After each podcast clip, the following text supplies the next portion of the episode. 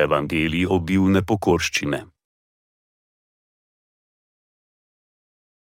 Janez 1:3:1:1:7 Pred praznikom Pashe je Jezus, ker je vedel, da je prišla njegova ura, ko pojde z tega sveta k očetu, in ker je vzljubil svoje, ki so bili na svetu, tem izkazal ljubezen do konca. Med večerjo je hudič Judu Iškarjotu, Simonovemu sinu, že položil v srce namen, da Jezusa izda. Ker je Jezus vedel, da mu je oče dal vse v roke in da je prišel od Boga in odhaja k Bogu, je vstal od večerje, odložil vrhnje oblačilo, vzel platno in se z njim opasal. Na to je vlil vode v umivalnik in začel učencem umivati noge in jih brisati s platnom, s katerim je bil opasan. Prišel je k Simonu Petru. Ta mu je rekel: Gospod, ti mi noge umivaš. Jezus je odvrnil in mu rekel: Tega, kar jaz delam, ti zdaj še ne razumeš, a spoznal boš pozneje. Peter mu je rekel: Ne boš mi umival nog, nikoli ne. Jezus mu je odgovoril: Če te ne umijem, nimaš dela že z menoj. Simon Peter mu je rekel: Gospod, potem pa ne samo nog, ampak tudi roke in glavo. Jezus mu je dejal: Kdor se je skopal, mu ni treba drugega, kakor da si umije noge, ves je namreč čist. Tudi vi ste čisti, vendar ne vsi. Vedel je namreč, kdo ga bo izdal, zato je rekel: Niste vsi čisti. Ko jim je umil noge in vzel vrhnje oblačilo, je spet sedel in jim rekel: Razumete, kaj sem vam storil? Ume kličete učitelj in gospor. In prav govorite, saj to sem. Če sem torej jaz, gospod in učitelj, vam umil noge, ste duti šest dolžni drug drugemu umivati noge. Zgled sem vam namreč dal, da bi tudi vi delali tako, kakor sem jaz vam storil. Resnično, resnično, povem vam, služabnik ni večji kot njegov gospodar in poslanec ni večji kot tisti, ki ga je poslal. Če to veste, blagor vam, če boste to delali. Zakaj je Jezus umil Petru noge na dan pred praznikom Pashe?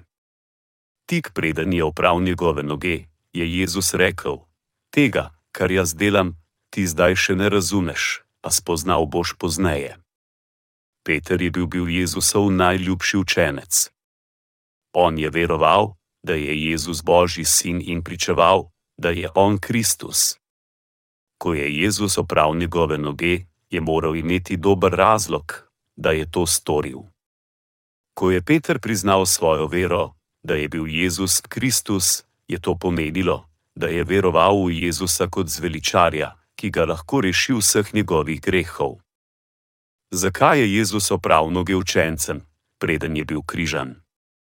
Ker je želel, da razumejo njegovo popolno zveličanje. Zakaj je opravil Petrove noge? Jezus je vedel, da ga bo Peter kmalo trikrat zatajil in da bo še naprej grešil v prihodnosti.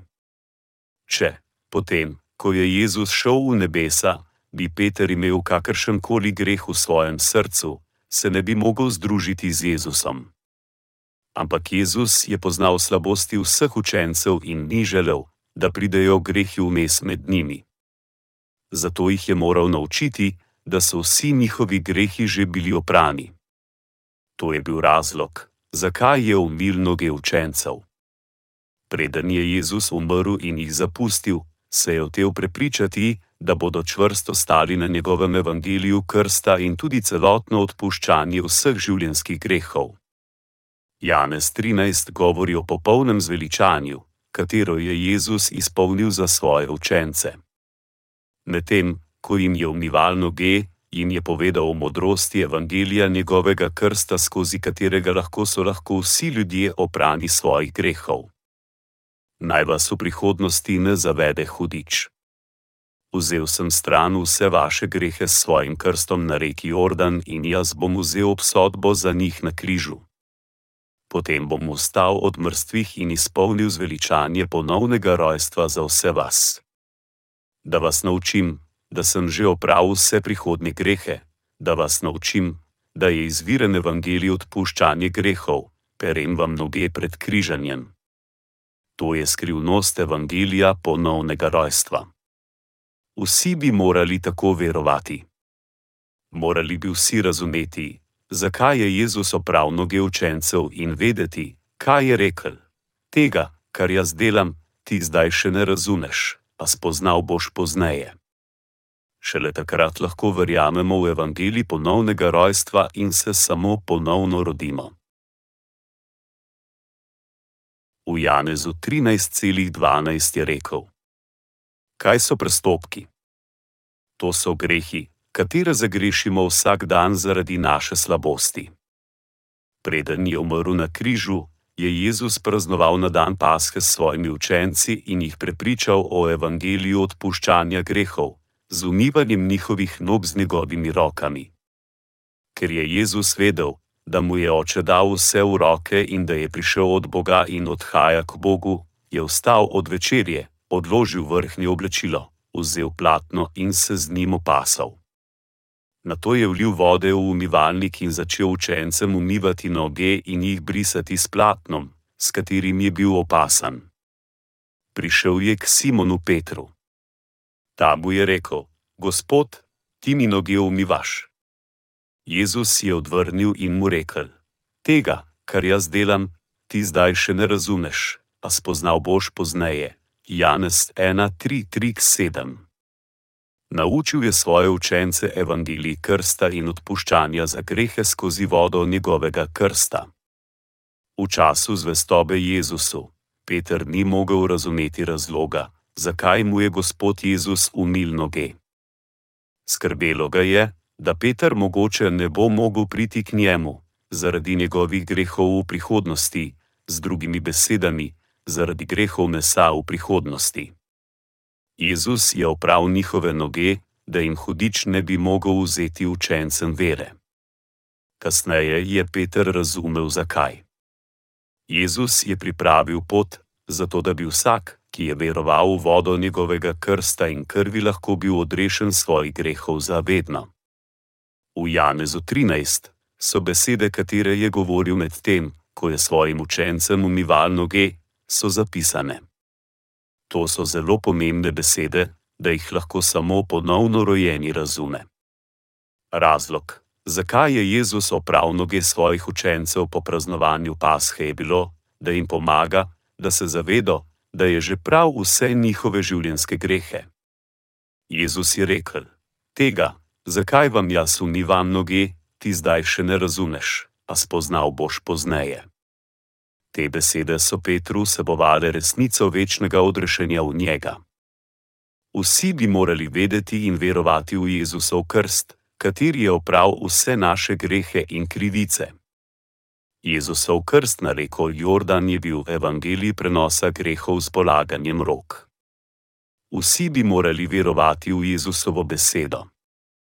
On je vzel vse grehe sveta skozi svoj krst in izpopolnil odpuščanje grehov s sojenjem in križanjem. Odrešenje vseh naših življenjskih prestopkov je bilo izpolnjeno Jezusovim krstom in krvjo. Kaj je hudičeva zanka proti pravičnosti? Hudič poskuša zavesti pravičnega, zato da bi ga spet naredil grešnika. Jezus je dobro vedel, potem ko je bil križan, ponovno vstal od mrtvih in šel gor v nebesa, hudič in raznoževalci neprave vere bi prišli in poskušali zavesti učence. Mi lahko vidimo po Petrovem pričevanju: Ti si Kristus, sin živega Boga, da je veroval v Jezusa. Ampak še vedno je Jezus še enkrat hotel spomniti Petra, da se drži evangelija odpuščanja grehov v duši. Evangelij je bil Jezusov krst, skozi katerega je vzel stran vse grehe sveta. Še enkrat je želel poučiti Petra, učence in celo nam, ki bi kasneje prišli. Tega, kar jaz delam, ti zdaj še ne razumeš, a spoznal boš pozneje. Kadarkoli so Jezusovi učenci grešili, bi jih Satan skušal in zavajal ugovorjenjem: Glej, če še vedno grešiš, kako lahko rečeš, da si brez greha. Ti nisi bil rešen. Ti si samo grešnik.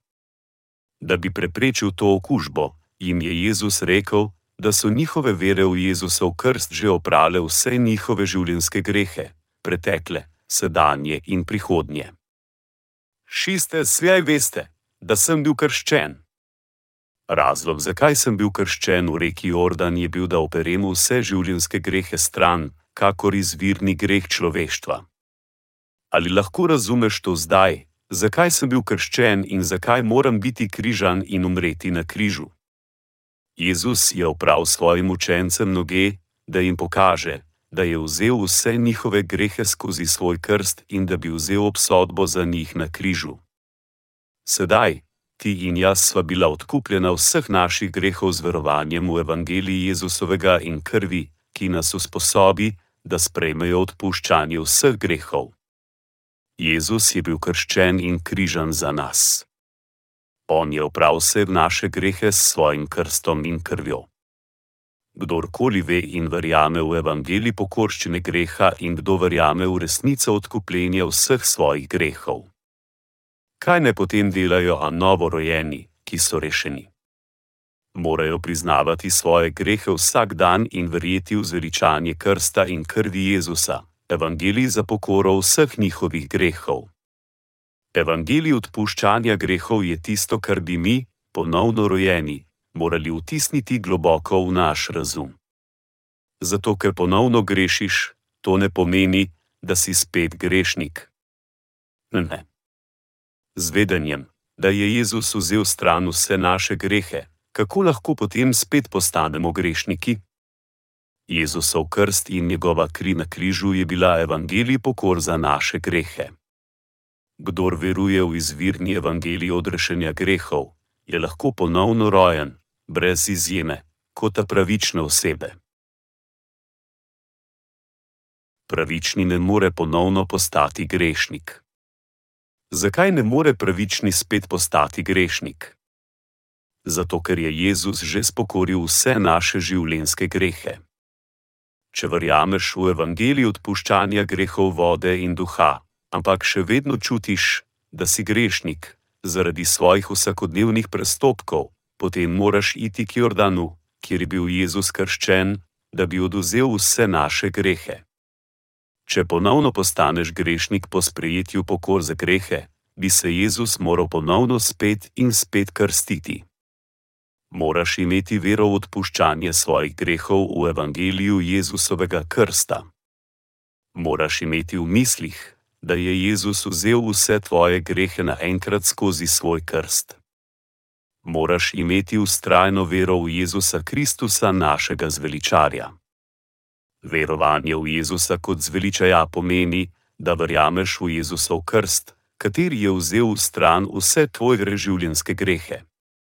Če resnično verjameš v njegov krst, križ, smrt in ustajenje Jezusa, nikoli ne moreš spet postati grešnik, ne glede na to, kakšen greh si zagrešil ti si bil odkupljen vseh svojih grehov življenja skozi vero. Jezus Kristus je opravil tudi vse grehe stran iz prihodnosti, tudi tiste grehe, katere zagrešimo zaradi naših slabosti. Jezus je moral naglasiti pomen svojega krsta, opravil je noge svojim učencem z vodo, da bi predstavljal evangelij odrešenja grehov, to je svoj krst. Jezus Kristus je bil krščen, križan, ponovno vstal in se dvognil v nebesa, da izpolni božjo obljubo obil nepokor za grehe sveta in da reši človeštvo. Kot rezultat so njegovi učenci bili zmožni pričevati evangelij odpuščanja grehov o Jezusovem krstu, križu in ustajanju, vse do konca njihovih življenj. Slabost Petrovega telesa. Zakaj je Peter zanikal Jezusa? ker je bil slab. Sveto pismo nam govori, da ko je bil Peter soočen s kajfovini služabniki, velikim duhovnikom in bil obtožen za enega od Jezusovih sledbenikov, zanikal ga je dvakrat rekoč: Ne, jaz ne poznam tega človeka. Zatem se je zaklev in prisegel še tretjič. Prebevimo odlomek iz Mateja 26,69. Peter pa je sedel zunaj na dvorišču. Neka dekla je stopila k njemu in rekla: Tudi ti si bil z Jezusom Galilejcem. On pa je opričal vseh tajil: Ne vem, kaj praviš. Ko je šel v vežo, ga je na pragu zagledala druga in rekla tistim, ki so bili tam: Ta je bil z Jezusom Nazarečanom. Spet je tajil in sicer s prisego: Ne poznam tega človeka. Kmalu na to so tisti, ki so stali tam, stopili k Petru in mu rekli: Zares, tudi ti si izmed njih, saj te tudi tvoja govorica izdaja.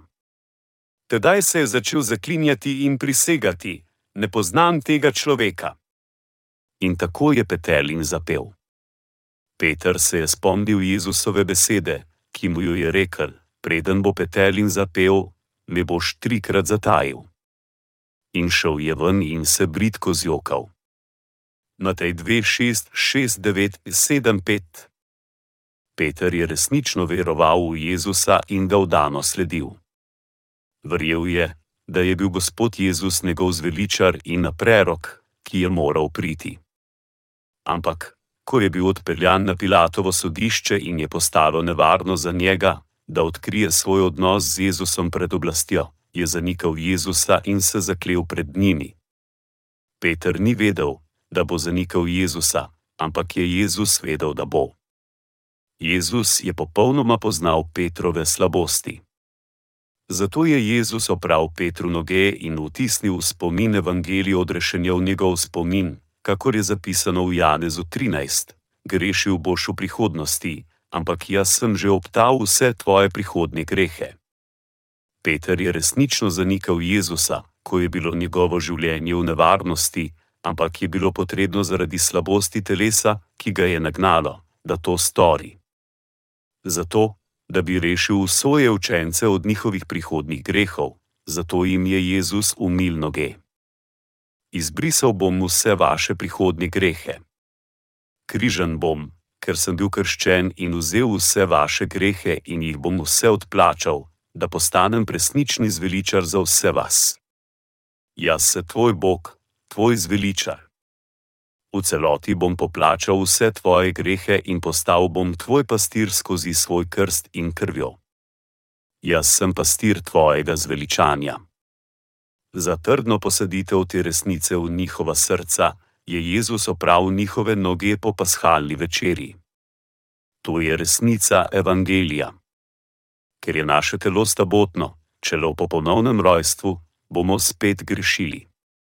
Seveda, mi ne bi smeli grešiti, ampak ko smo soočeni z nekaj težavami, kakor Peter, mi nadaljujemo grešiti brez, da bi mi to želeli. Mi živimo v telesu, včasih smo vodeni k uničenju po naših grehih telo bo grešilo, dokler bomo živeli v tem posvetnem svetu, ampak Jezus je sprejel vse take grehe s svojim krstom in krvjo na križu. Mi le zanikamo, da je Jezus naš zveličar, ampak ko živimo v telesu, mi kar naprej grešimo proti Božji volji. To je zato, ker smo rojeni v telesu. Jezus je vedel, da lahko grešimo, medtem ko živimo v telesu, zato je postal naš zveličar z odplačilom naših grehov s svojim krstom in krvjo. Osvobodil je grehov vse tiste, ki verjamejo v njegovo zveličanje in ustajenje. Zato torej vsa štiri evangelija začenjajo z Jezusovim krstom po Janezu Krstniku. Namen njegovega človeškega življenja je bil, da izpolni evangelij ponovnega rojstva, evangelij zveličanja. Kako dolgo grešimo v telesu? Grešimo vse naše življenje, dokler ne umremo. Koga je Peter zanikal?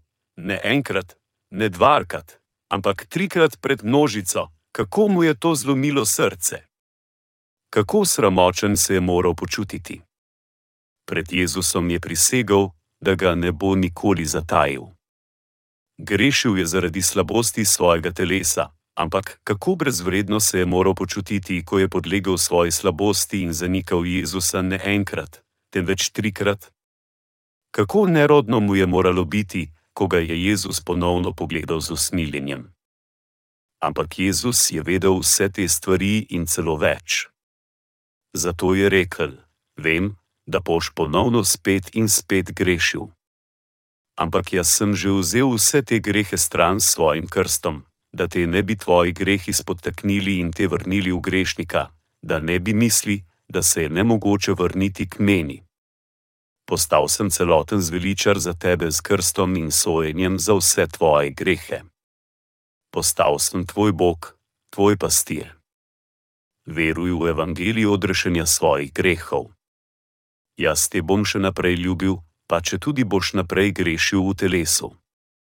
Jaz sem že opravil vse tvoje grehe. Evangelijo odrešenja grehov je zavedno učinkovito in moja ljubezen do tebe je tudi večna. Jezus je rekel Petru in učencem: Če vam ne umijem nog, nimate deleža z manovč. Razlog, zakaj je govoril ta evangelij v Jenezu 13, je bil, da je bilo pomembno za ljudi, da bodo ponovno rojeni v vodi in duhu. Ali verjameš v to? V vrstici 9. Simon Peter mu je rekel: Gospod, potem pa ne samo nog, ampak tudi roke in glavo. Jezus mu je dejal: Kdor se je skopal, mu ni treba drugega, kakor da si unije noge, ves je namreč čist. Dragi prijatelji, šest boste grešili v telesu, a v prihodnosti ali ne boste. Ampak Jezus je rekel, da je oprav tudi prihodnje grehe, vso grešnost telesa s svojim krstom in krvjo in jasno je povedal svojim učencem besedo resnice Evangelija pokor, preden je bil križan. Ker živimo v telesu z vsemi slabostmi, si ne moremo pomagati, kot da grešimo. Jezus je opravil vse grehe sveta s svojim krstom. On ni opravil samo naše glave in telesa, ampak tudi noge, to je vse naše prihodnje grehe. To je evangelij ponovnega rojstva, Jezusovega krsta. Po Jezusovem krstu je Janez Krstnik pričeval: Glejte, Božje jagnje, ki oduzema greh sveta. Janez 1,29: Morali bi verovati, da so vsi grehi bili oprani stran s prenosom na Jezusa med njegovim krstom. Medtem, ko živimo v tem grešnem svetu, si ne moremo pomagati, kot da grešimo. To je dejstvo. Ko naše slabosti telesa pridejo na površje, se moramo spomniti, da je Jezus opravil stran vse naše grehe in vse grehe sveta skozi evangelijo odrešenja in plačal za njih s krvjo. Morali bi se mu zahvaliti iz dna srca. Z vero priznajmo, da je Jezus naš zveličar in Bog. Slava Gospodu! Kdorkoli na tem svetu, si ne more pomagati, da ne zgreši v telesu. Ljudje nadaljujejo grešiti v telesu in umrejo zaradi svojih življenjskih grehov. Grešne misli v človeških srcih. Kaj onesnaži osebo? Različni grehi in grešne misli. Jezus govori v Mateju 1:5:1:9:2: Iz srca namreč prihajajo hudobne misli, umori, prešuštva, nečistovanja, tatvine, kriva pričevanja, kletve. To je tisto, kar omadežuje človeka, jesti z neumitimi rokami pa ne omadežuje človeka. Ker različni grehi v srcah oseb jo onesnažijo in je nečista. Vsakdo mora prepoznati svojo hudobo naravo. Kaj je v srcu vsakega človeka? 12 različnih grehov, Marko 7, 2, 1, 2, 3. Mi moramo biti zmožni reči: Teh 12 vrst grehov so v srcih ljudi. Vse jih imam v svojem srcu. Imam 12 vrst greha v sebi, o katerih je posano v svetem pismu. Preden smo ponovno rojeni v vodi in duhu, moramo priznati, da so grehi izvirno v naših srcih, moramo priznati, da smo popolni grešniki pred Bogom, ampak mi tega ne storimo pogosto. Večina od nas si dela izgovore za svoje grehe, govoreč: Nikoli nisem imel takih misli v svojem srcu, jaz sem se samo zmotno zavedel. Ampak kaj je Jezus rekel o človeškem bitju? Jasno je izjavil, da kar pride iz človekovega srca, ga omadežuje. Poveda nam je, da imajo ljudje hudobne misli znotraj sebe. Kaj ti misliš? Si dober ali hudoben? Ali veš, da imajo vsi hudobne misli? Da, misli vsakogar so hudobne. Nekaj let nazaj se je v Seulu nenadno zrušila veleblegovica. Družine, ki so izgubile svoje bližnje, so bili v veliki agoniji, ampak mnogo ljudi je šlo tja in uživalo v tem tragičnem spektaklu. Nekateri so mislili, koliko jih je umrlo. 200? Ne, to je prenisko število. 300? Mogoče. No, bilo bi bolj zanimivo in spektakularno, če bi bilo število mrtvih vsaj tisoč človeška srca so lahko tako hudobna. Kako nespoštljivo je bilo do mrtvih? Kako pogubno je bilo za družine? Nekateri so bili financijsko uničeni. Nekateri gledalci niso bili tako sočutni. Bilo bi bolj zanimivo, če bi umrlo več ljudi. Kakšen spektakel! Kaj, če bi se ista stvar zgodila na nogometnem igrišču polnem ljudi? Na tisočere ljudi bi bilo zakopano pod ruševinami, kaj ne? O, da. To bi bilo sigurno bolj zanimivo. Mogoče je nekdo imel takšno razmišljanje. Isti fenomen bi lahko bil slišan pri avtomobilski nesreči. Radovedni gledalci so nagnjeni k razočaranju manjših nesreč. Vsi mi vemo, kako hudobni znamo včasih biti. Seveda, takih misli ne moremo povedati na glas, mi lahko utišamo naše jezike in izrazimo sočutje, če uspemo pogledamo nesrečo, ampak potihem v naših srcih, mi želimo, da je bolj spektakularno. Želimo videti grozne tragedije, kjer je ubitih več kot tisoč ljudi, vse dokler ne gre nasproti z našim interesom. To je način, na katerega srce deluje. Večina od nas je takšna, preden se ponovno rodi. Umor v srcu vsakega človeka. Zakaj grešimo? Ker imamo hudobne misli v naših srcih. Bog je rekel, da je umor v srcu vsake osebe. Ampak mnogi bi to zanikali pred Bogom, govoreč: Kako lahko rečeš kaj tekega? Jaz nimam morilskih milci v svojem srcu kako me lahko imaš za tako osebo? Oni ne bi nikoli priznali, da imajo greh v svojem srcu. Mislijo, da so morlici iz drugega zaroda od njih.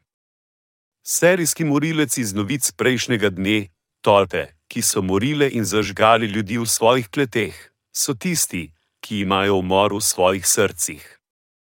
Ti so iz drugega zaroda. Nikoli ne morem biti kakor oni.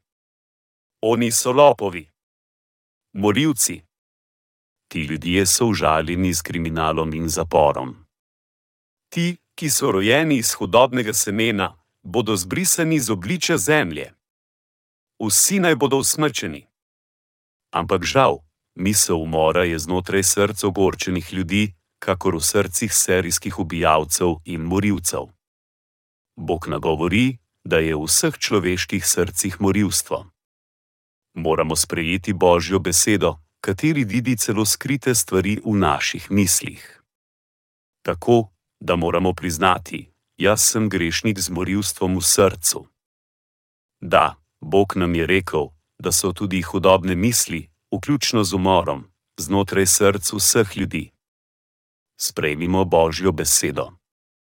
Tako kot človeške generacije postajajo bolj hudobne, različne vrste osebnega oprema za obrambo postanejo urodja za umor.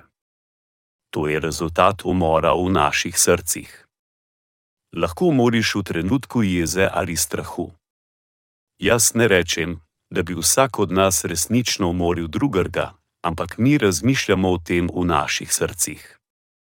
Mi smo vsi rojeni z hudobnimi mislimi v naših srcih. Nekateri resnično končajo z ubijanjem, ne zato, ker so posebno rojeni za umore, ampak ker smo vsi zmožni postati morilci. Bog govori, da imamo hudobne misli in morilstvo v srcih. To je resnica. Nihče od nas ni izjema v tej resnici.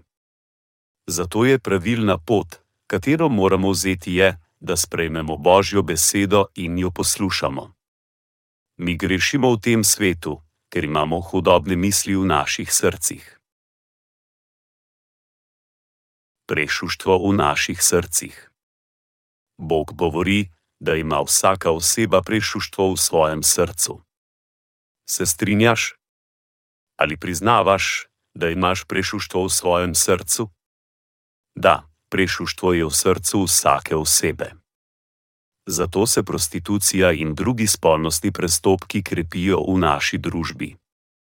To je eden najbolj sigurnih poti zasluževanja denarja v vsaki dobi človeške zgodovine. Druga podjetja lahko trpijo zaradi ekonomskega paca, ampak to brezvredno podjetje ne trpi toliko, ker je prešuštvo domuje v vsaki osebi. Sad grešnikov je greh. S čim se lahko primerja človeško bitje? Z drevesom, katero nosi sadove greha.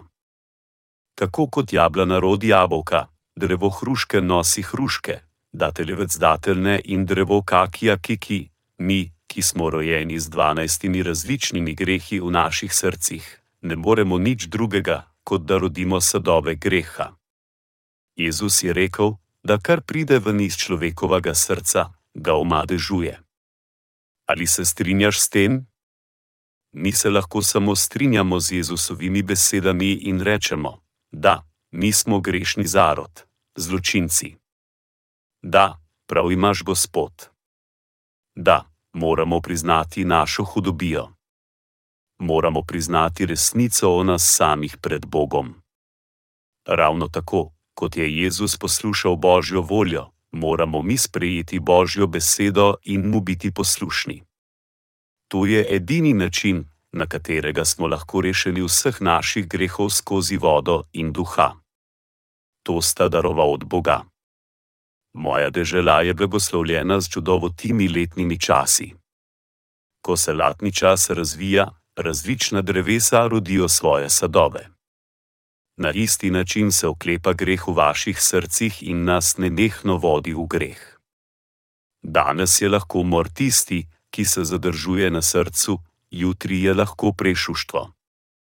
Potem naslednji dan so lahko grešne misli, potem brežbožništvo, tatvina, lažno prijavanje in tako naprej. Mi grešimo vse leto, vsak mesec, vsak dan, vsako uro. Niti en dan ne mine, da ne bi zgrešili. Mi si kar naprej prisegamo, da ne bomo grešili, ampak mi si ne moremo pomagati, ker smo tako rojeni. Si kdaj videl, da jablana zavrača, da bi rodila jabolko, ker to ni hotelo? ne želim roditi jabolk. Če tudi se v mislih odloči, da ne bo rodilo sadov, kako Jan ne bi rodilo jabolk. Svetovi bi se obvezno razcveteli spomladi, zrasla bi jabolka in dozorela poleti, in sad bi bil pripravljen za obiranje in bil zajesti v jeseni. To je skrb narave in življenja grešnikov, tudi morajo slediti isti zakon narave. Grešniki ne morejo nič drugega, kot da rodijo sadove greha. Jezusov krst in križ sta bila za odkupljenje vseh naših grehov. Kaj pomeni po Jezusovem odkupljenju? To je plačilo za plačo greha po Jezusovem krstu, polaganje rok in njegova kri na križu. Preberimo odlomek iz svetega pisma, da izvema, kako grešniki, grešni zarod, se lahko odrešijo svojih grehov pred Bogom in živijo svoje življenje v sreči. To je evangelij za odpuščanje grehov. V tretji Mojzesovi knjigi 4 je rečeno: Če se kdo izmed ljudstva dežele ne hote pregreši s tem, da stori kaj proti kateri koli gospodovi zapovedi, česar ne bi smel storiti, in tako postane kriv, naj potem, ko ga opomnijo na greh, ki ga je storil, pripelje kot svoj dar kozo, neoporečno samico, za svoj greh, ki ga je storil. položi naj daritvi za greh roko na glavo in naj zakolje daritev za greh na kraju za galno daritev. Duhovnik naj s prstom vzame nekoliko njene krvi in pomaže rogov režgalnega oltarja. Odstrani naj vso njeno tolščo, kakor odstranjujejo tolščo z mirovne daritve, in naj jo sežge na oltarju v prijeten von Gospodu. Tako naj duhovnik zan opravi spravo in mu bo odpuščeno. 3. Mojzesova knjiga 4.2.7.3.1 Kako so se v dnevih stare zaveze ljudje odpuščali svojih grehov? Najprej so položili svoje roke na glavo žrtve za greh in prenesli svoje grehe na njo. V tretji Mojzesovi knjigi je zapisano: Kadar hoče kdo od vas darovati Gospodu daro od živine, darujte od goveda ali od drobnice.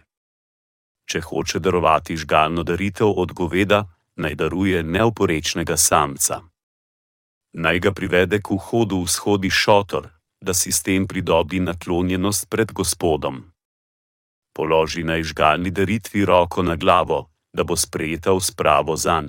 Tretji Mojzesova knjiga 1.2.4 Ko je oseba v tem času prepoznala svoj greh v srcu, je morala pripraviti daritev za greh, ki bo uporabljena za odpuščanje greha. Oseba je morala položiti roke na glavo žrtve za greh, da bi prenesel grehe, katere je zagrešil. Znotraj dvorišča svetega šotora je bil oltar za žgalno daritev. Imel je obliko skrinje, malo večji od križnice in imel je rogove na vseh robovih. Izraelovi ljudje so se odrešili grehov s prenosom svojih grehov na glavo daritve za greh in žganjem njenega mesa na oltarju žgalne daritve. V tretji moje sovi je Bog rekel za ljudi: Da, če hoče darovati, naj ga privede k vhodu v shodi šotor, da si s tem pridobi naklonjenost pred Gospodom.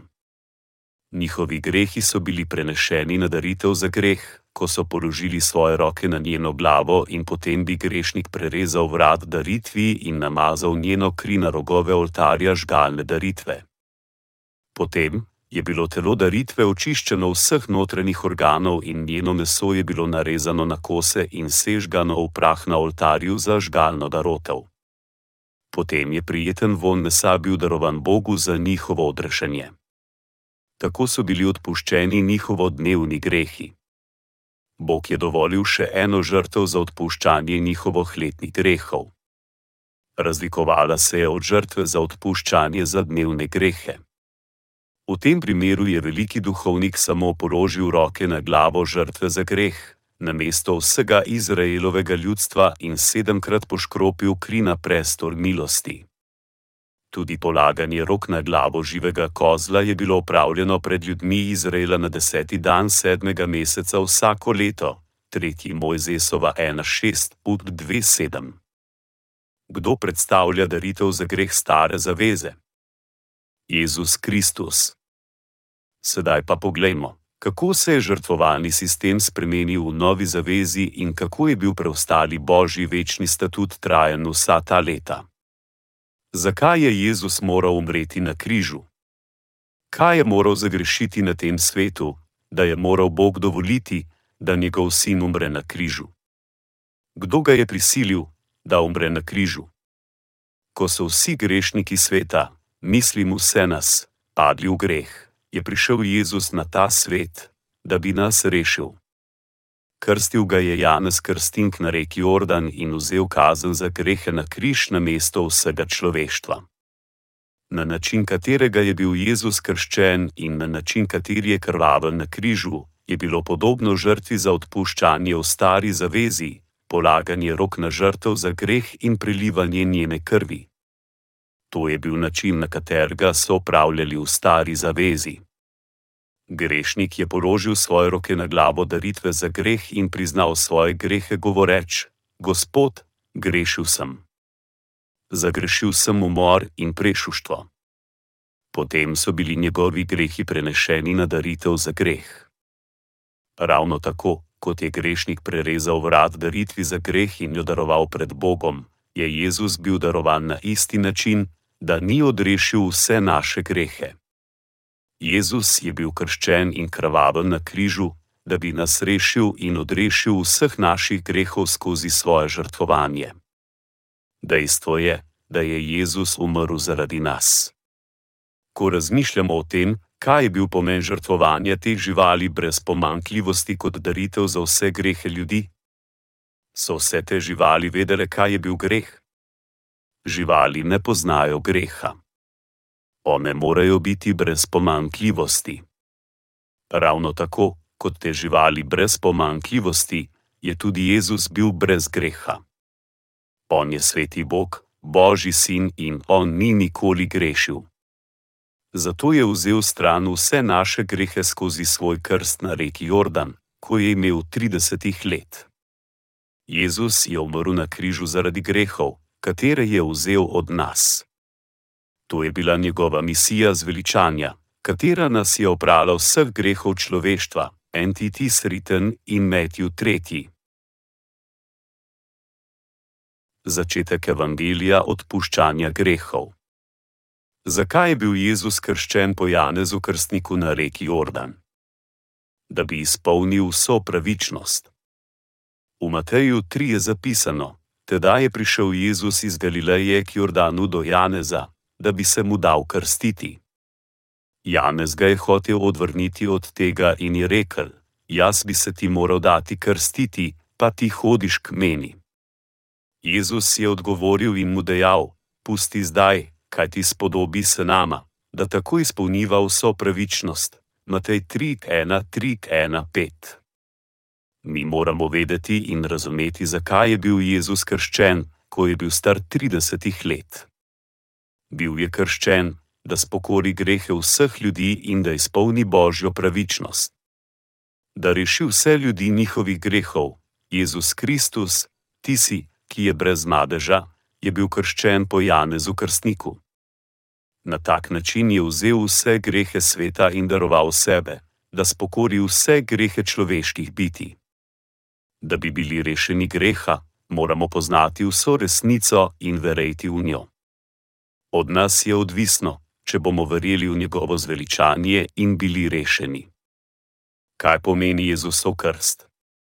To je isto kot polaganje rok v stari zavezi. V stari zavezi so grehi vseh ljudi bili prenešeni na glavo daritve za greh preko rok velikega duhovnika.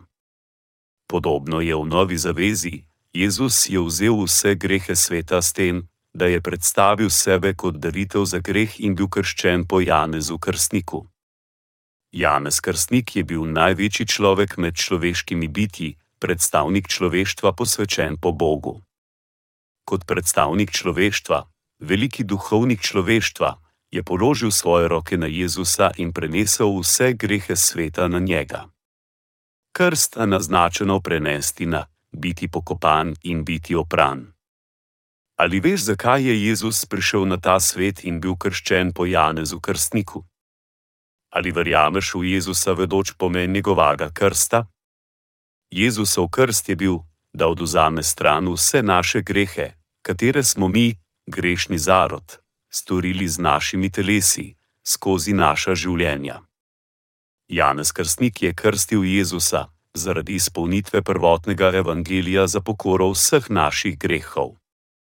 V Mateju 3:1:3:1:7 se stavek začenja z potem in opozarja na čas, ko je bil Jezus krščen, na čas, ko so bili vse grehi sveta prenešeni na njega. Potem je Jezus vzel vse grehe človeštva, umrl na križu po treh dneh in ponovno vstal na tretji dan. Da bi opravil vse grehe sveta, je bil krščen enkrat za vselej, umrl na križu enkrat za vselej in vstal od mrtvih enkrat za vselej. Za tiste, ki želijo biti odkupljeni svojih grehov pred Bogom, je vzel vse grehe sveta in jih rešil enkrat za vselej. Zakaj je Jezus moral biti krščen? Zakaj si je moral montirati trnjevo krono in biti sojen pred Pilatom, kakor kriminalec? zakaj je moral biti križan na križu in krvaveti do smrti. Razlog za vse to zgoraj navedeno je, ker je vzel vse grehe vseta, tvoje in moje, na sebe skozi svoj krst. Zaradi naših grehov je moral umreti na križu. Moramo verjeti v besedo zveličanja, da nas je Bog rešil in mu biti hvaležni. Brez Jezusovega krsta, njegovega križa in njegovega ostajanja, ne bi bilo zveličanja za nas. Ko je bil Jezus krščen po Janezu, da bi oduzel vse grehe sveta, je vzel naše grehe in nas tako rešil, kateri verujemo v njegov evangelij zveličanja. So ljudje, ki mislijo, Jezus je oduzel samo izvirni greh, kaj ne? Ampak oni so v zmoti. V svetem pismu je jasno zapisano, da je Jezus vzel vse grehe sveta enkrat za vselej, ko je bil krščen. Vsi naši grehi, skupaj z izvirnim grehom, so bili oprani. Jezus v Mateju 3:15 govori: Kaj ti spodobi se nama, da izpolniva vso pravičnost? Da izpolnita vso pravičnost pomeni, da so nam vsi grehi, brez izjeme, bili oduzeti. Ali nam je Jezus opravil tudi vse naše življenjske grehe? Da, opravil je. Poiščimo dokaz v tretji Mojzesovi knjigi, prvem poglavju. Govori nam o velikem duhovniku in o žrtvovanju na dan pokorščine. Žrtev pokorščine za letne grehe vseh Izraelcev. So Izraelci lahko bili posvečeni enkrat za vse le z daritvijo za greh od tega sveta? Nikoli. Aaron naj pripelje junca, ki je določen za njegovo daritev za greh, in pripravi spravo zase in za svojo hišo. Nato naj vzame oba kozla in ju postavi pred gospoda pri vhodu v vzhodni šotor. In Aaron naj vrže žreba za kozla, en žreb za gospoda in drug žreb za Azazela. Kozla, katerega je zadev žreb za gospoda, naj Aaron pripelje in daruje kot daritev za greh. Kozla, katerega je zadev žreb za Azazela, pa naj živega postavi pred gospoda, da nad njim opravi spravo in ga pošlje Azazelu v puščavo. Tretji Mojzesova 1.6.6.1 nič. Tukaj je Aaron vzel dva kozla na vhod v vzhodni šotor, da spokori letne grehe Izraelcev. In Aaron naj vrže žreba za kozla, en žreb za gospoda in drug žreb za Azazela. Žrtvovalna žival je bila potrebna za zakonsko pokoro dnevnih grehov, da bi se prenesel grešnikov greh na njo s polaganjem rok na glavo daritve. Ampak za letne grehe Izraela je veliki duhovnik, na mesto vseh ljudi, prenesel letne grehe na daritev za greh na deseti dan sedmega meseca vsako leto.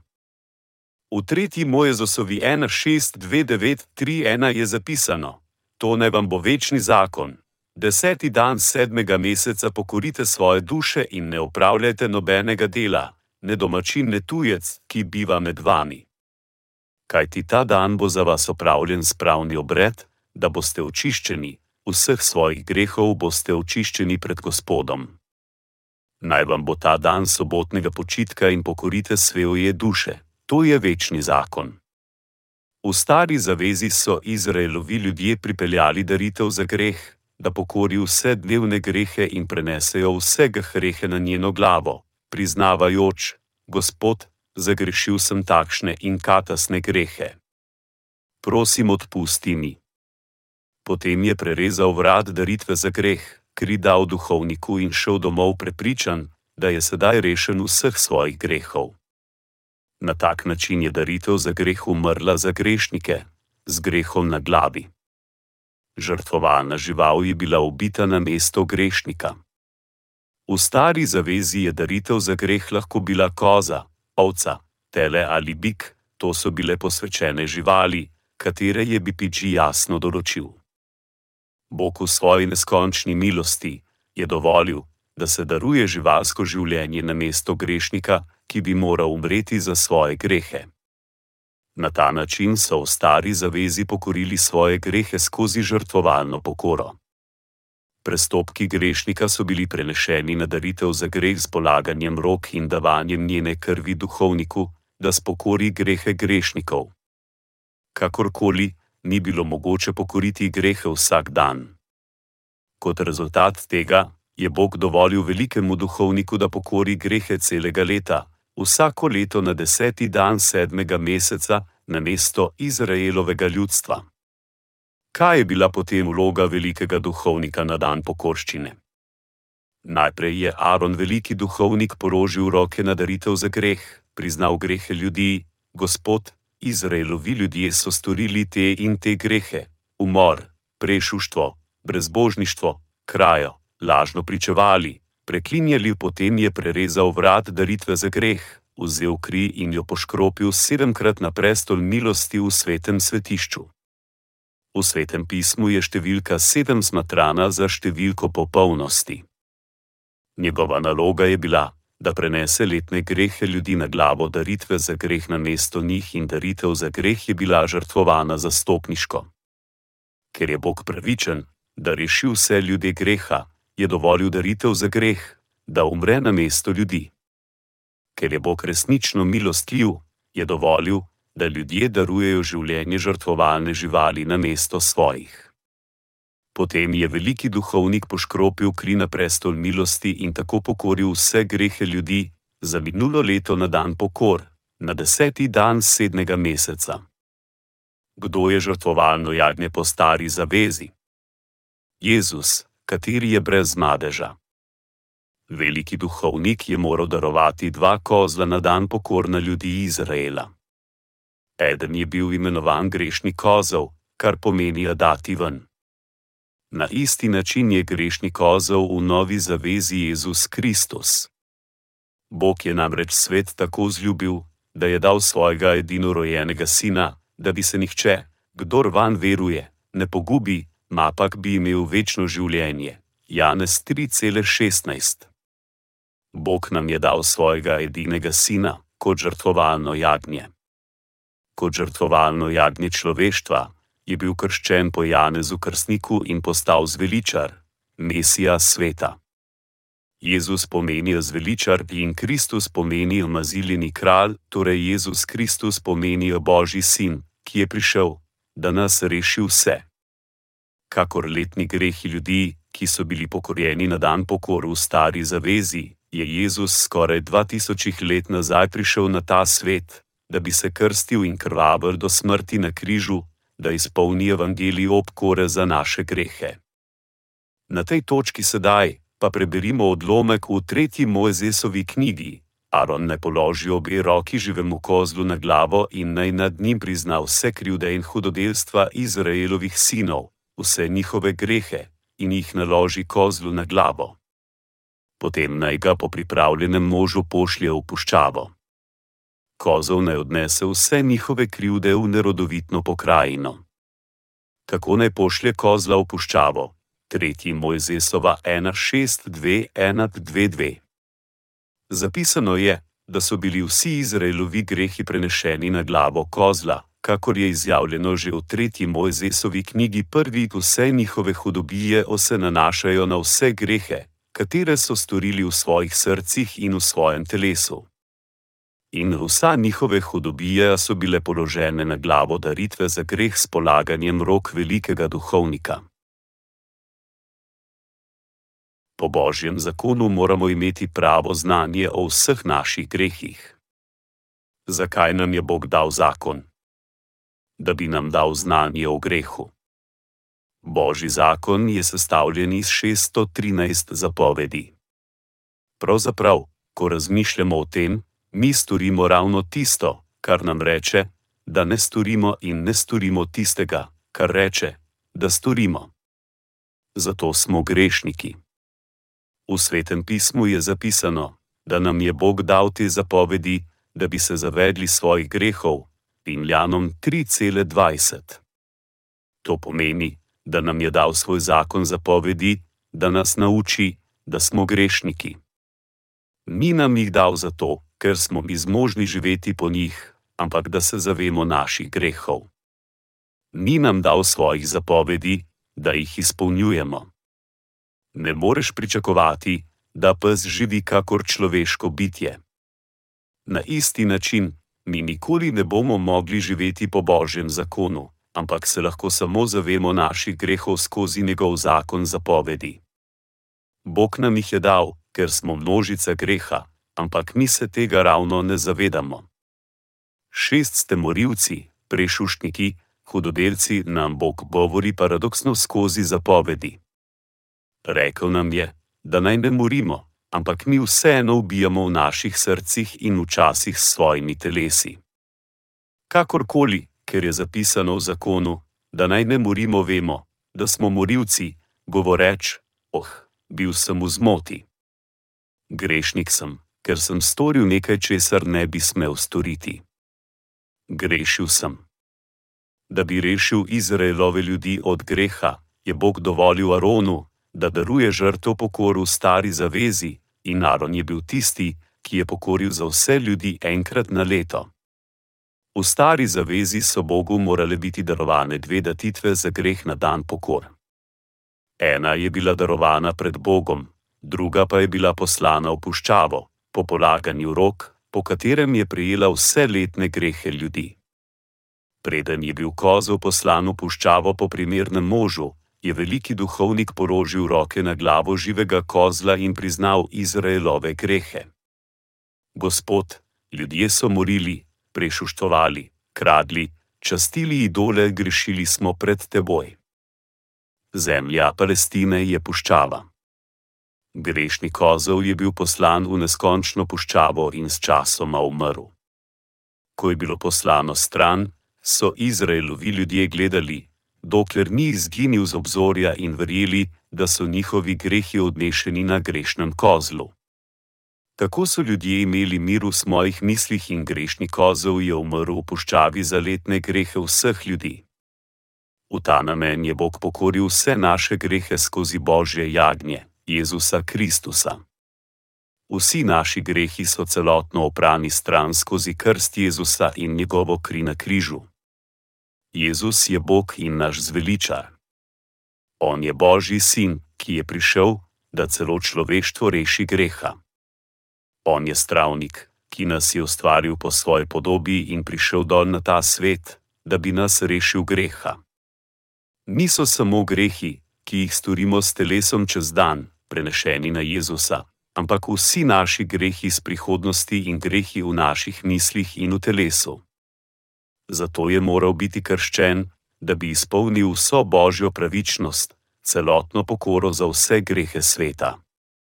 Tri leta preden je bil Jezus križan, ko je prvič začel svojo javno službo, je vzel vse grehe sveta s tem, ko je bil krščen po Janezu krstniku na reki Jordan.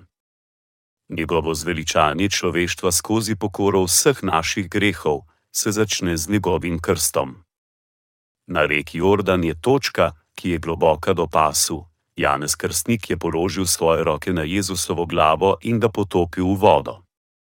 Ta krst je bil isto, kakor polaganje rok v stari zavezi in je imelo isti učinek prenosa vseh grehov. Biti potopljen v vodo je pomenilo umreti in ustajanje iz vode je pomenilo ponovno ustajenje. S tem, da je bil krščen po Janezu Krstniku, je Jezus izpolnil in razodel vse tri elemente svoje misije: vzemanje greha, križanje in ponovno ustajenje. Mi smo lahko rešeni samo, če smo poslušni besedi, s katero nas je Jezus rešil greha. Bog se je odločil, da nas reši skozi Jezusa, in zapoved, katero je dal v stari zavezi, je bila tako izpolnjena. Skozi to dejstvo, je Jezus šel na križ z vsemi našimi grehi na svoji glavi. Kakšno opravilo nam je prepuščeno, odkar je Jezus opravil vse naše grehe? Vse, kar moramo storiti, je, da imamo vero v Božjo besedo. V Janezu 1,29 je zapisano: Naslednji dan je zagledal Jezusa, da pirhaja k njemu in je rekel: Glejte, Božje jagnje, ki oduzema greh sveta. Janez Krstnik je pričeval: Glejte, Božje jagnje, ki oduzema greh sveta. Vsi grehi človeštva so bili prenešeni na Jezusa, ko je bil krščen na Jordanu. Veruj to. Potem boš blagoslovljen z pokoro svojih grehov. Moramo imeti vero v Božjo besedo. Svoje misli in trmo moramo pustiti na stran in ubogati zapisano Božjo besedo. Enostavno moramo verjeti v resnico, da je Jezus vzel vse grehe sveta, and obeyed written word of God. Če rečemo, da je Jezus vzel v tran vse grehe sveta in če rečemo, da je izpolnil božjo pravičnost z pokoro naš grehov, je čisti ista stvar. Polaganje rok in krst tudi pomenita isto stvar. Nepozorno, če rečemo vsi, najvažnejše ali vse je istega pomena. Pomen besed polaganje roka v stari zavezi ostane ista v novi zavezi, razen da je beseda krst zamenja. Pride se do enostavne resnice, da je bil Jezus oboje, krščen in sojen na križu za pokoro vseh naših grehov. Mi smo lahko rešeni, če verujemo v ta izvirni evangelij. Ko sveto pismo govori, da je Jezus vzel vse grehe sveta, Janez 1,29, kaj pomeni greh sveta?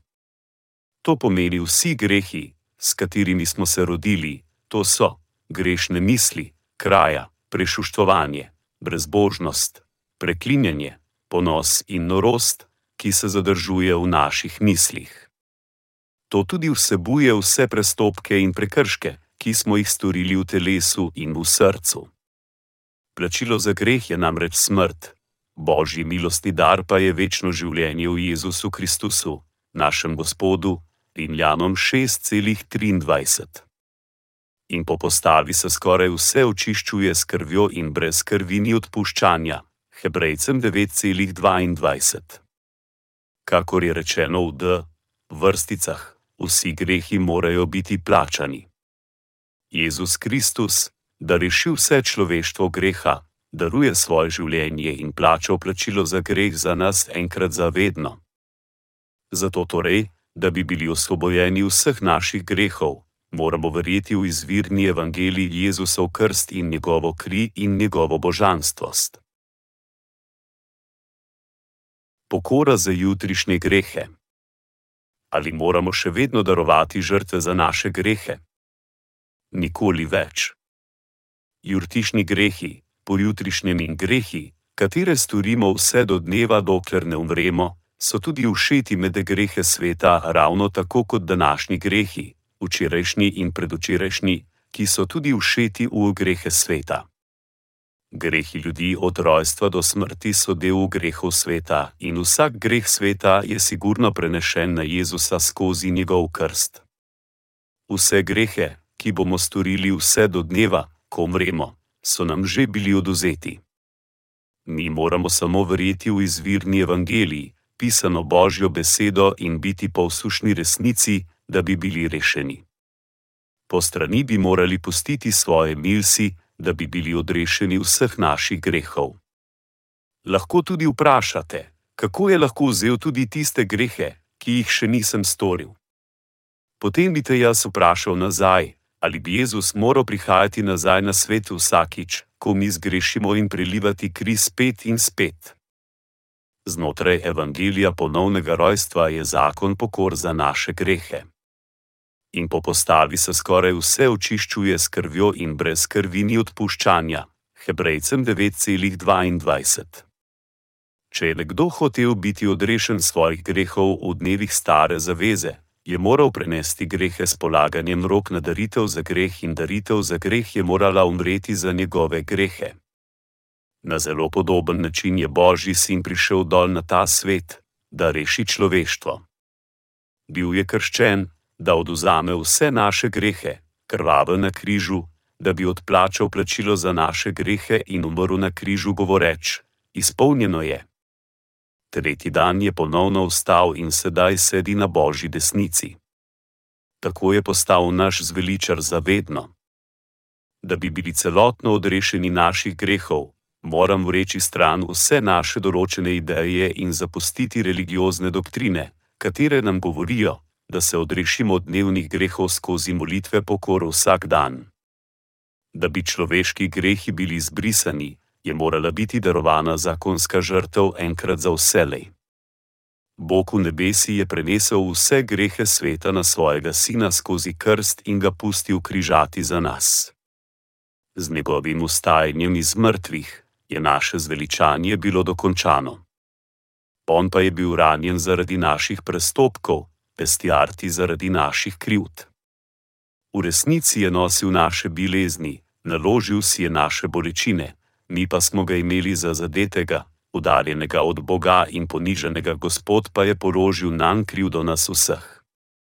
V Izaiji 53 je rečeno, da so vsi prestopki in krivice sveta celega človeštva bili prenešeni na Jezusa Kristusa. V novi zavezi v pismu Efežanom 1, 4 je zapisano: Pred stvarjenjem sveta nas je izvolil v njem. To nam govori, da nas je izbral v njem, preden je ustvaril svet. Še preden je bil svet ustvarjen, se je Bog odločil, da nas bo naredil za svoje ljudstvo, pravične brez madeža v Kristusu.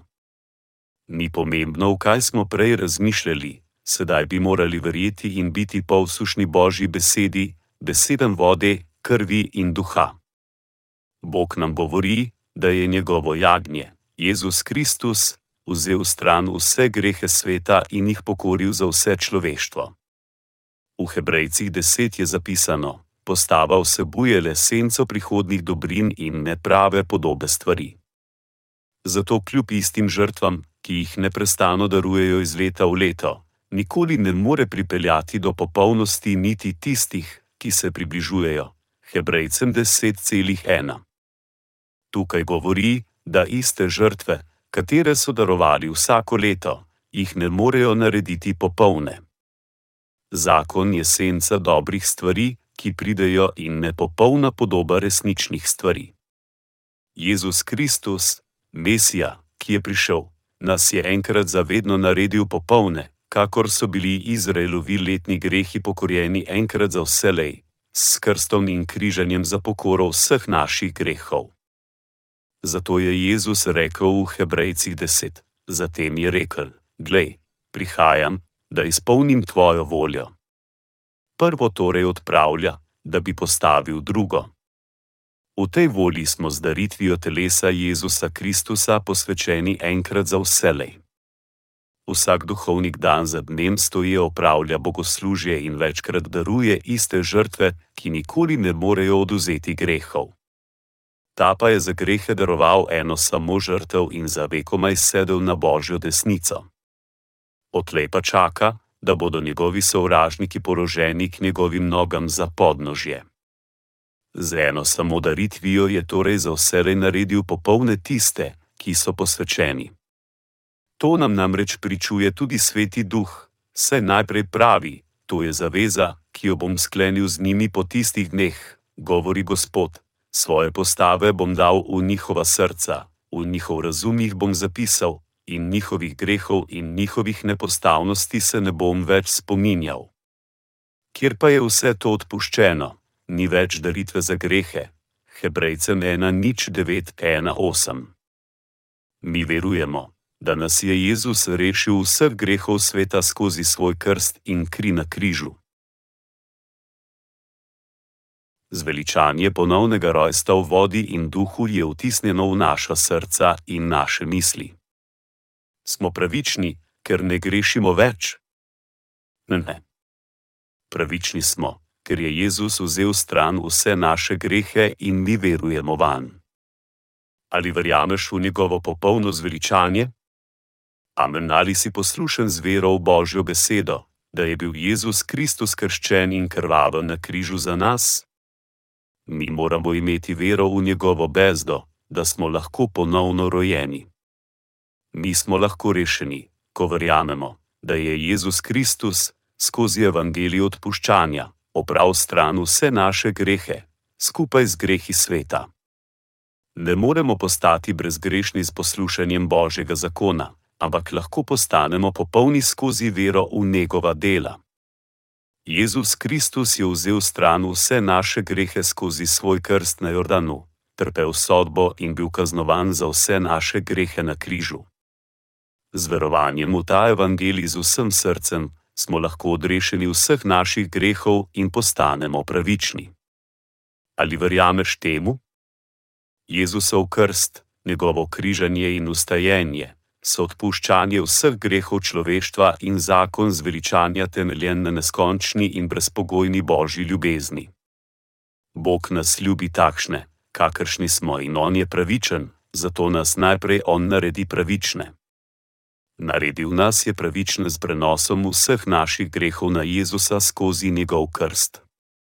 Da bi opravil vse naše grehe, je poslal svojega edinega sina Jezusa na ta svet za nas.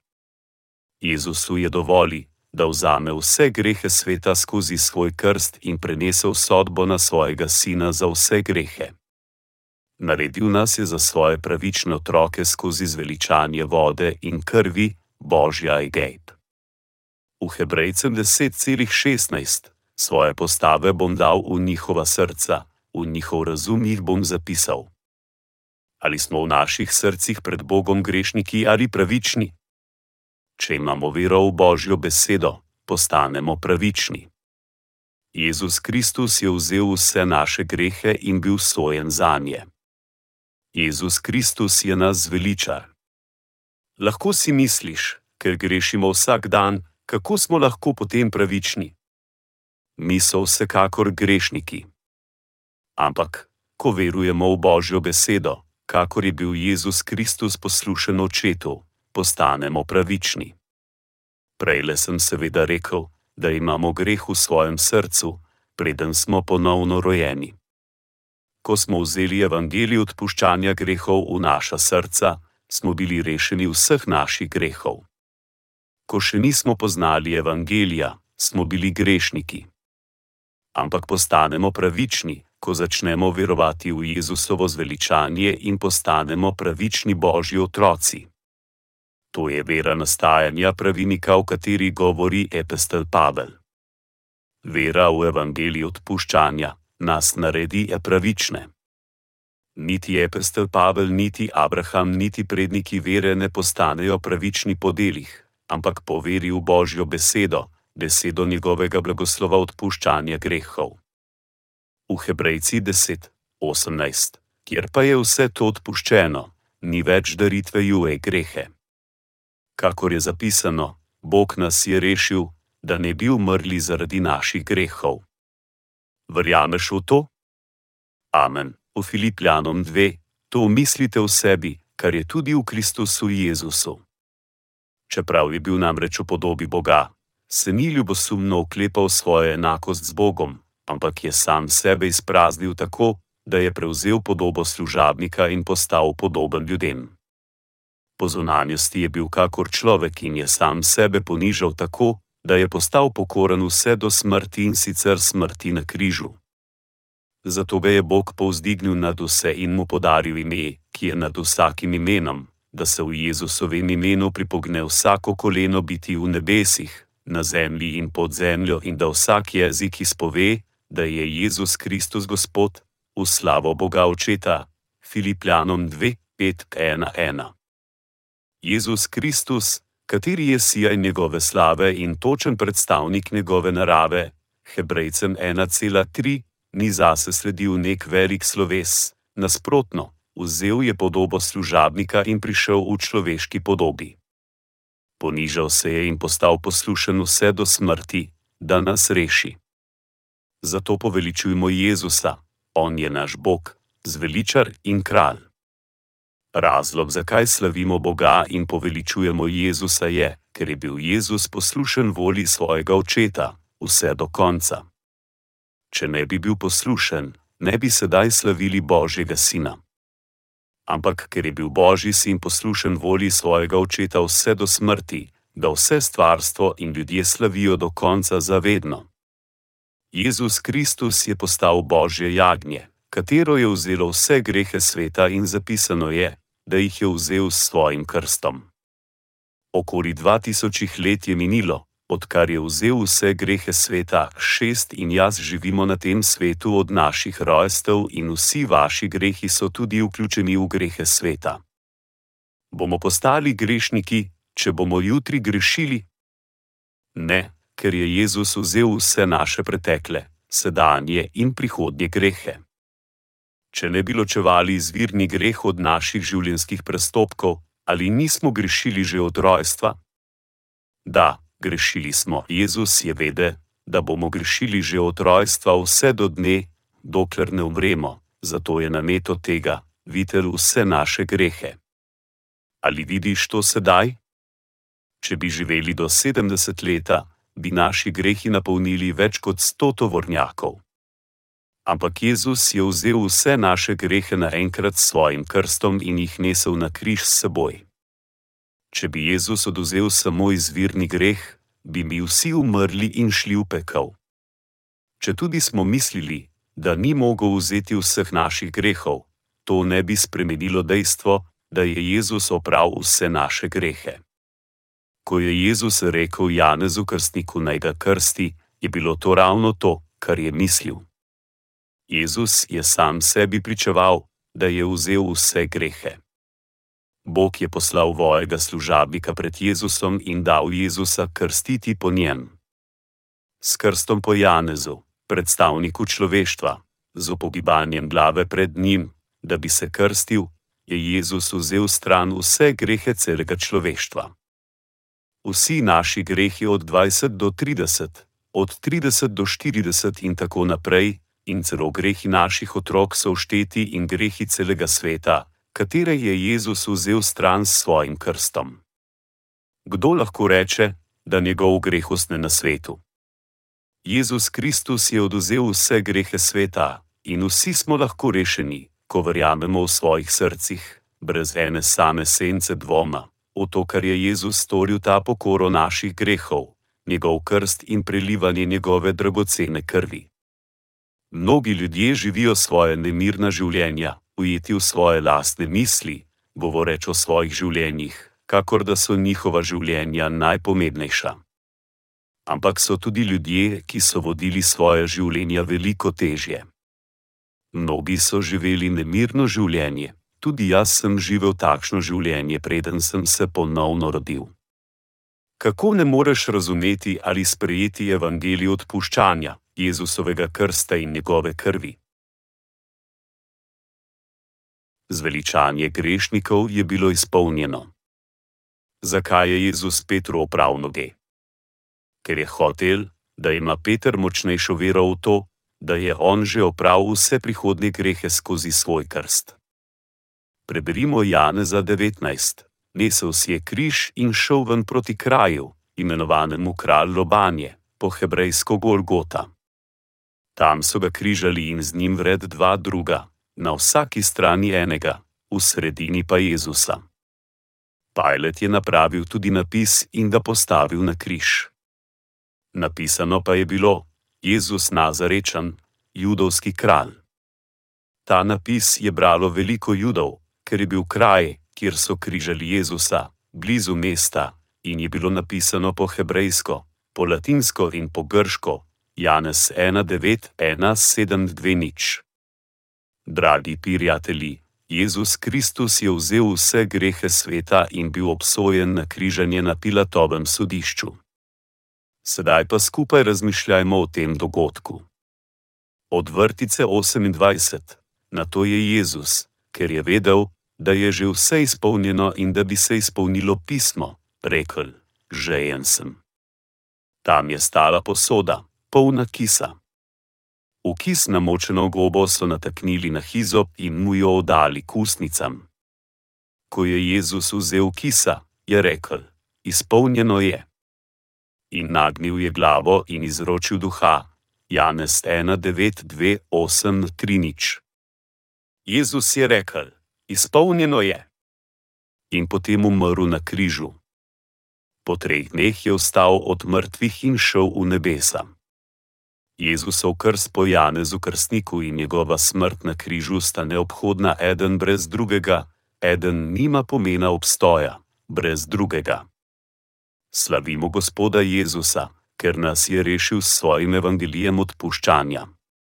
Človeško telo vedno sledi potrebam telesa, zato si ne moremo pomagati, da ne grešimo v telesu. Jezus Kristus nam je dal svoj krst in kri, da nas reši grehov telesa. Rešil nas je grehov telesa z svojim evangelijem. Tisti, ki imajo popolno odpuščanje grehov, lahko vstopijo v nebeško kraljestvo v katerem koli času z verovanjem v Jezusa, kateri je bil rojen v Betlehemu, bil krščen na reki Jordan, umrl na križu in tretji dan vstal. Mi poveličujemo Gospoda in slavimo njegovo ime za vedno. V zadnjem Janezovem poglavju je Jezus po vstajanju od mrtvih šel v Galilejo. Šel je k Petru in mu rekel: Simon, Janezov sin, ali me ljubiš bolj kakor tile? In Peter je odgovoril: Da, gospod, ti veš, da te imam rad. Potem mu je Jezus rekel: Hrani moja jagnjeta. Peter se je vsega zavedel, evangelija Jezusovega krsta in njegove krvi za odpuščanje grehov. Sedaj, verovanje v evangeliji vode in krvi, ki sta mu dala odpuščanje vseh njegovih grehov in spoznanje, zakaj mu je Jezus oprav noge, je ojačalo njegovo vero v Jezusa. Še enkrat preberimo Janeza 21,15. Ko so pojedli, je Jezus rekel Simonu Petru: Simon, Janezov sin, ali me ljubiš bolj kakor tile?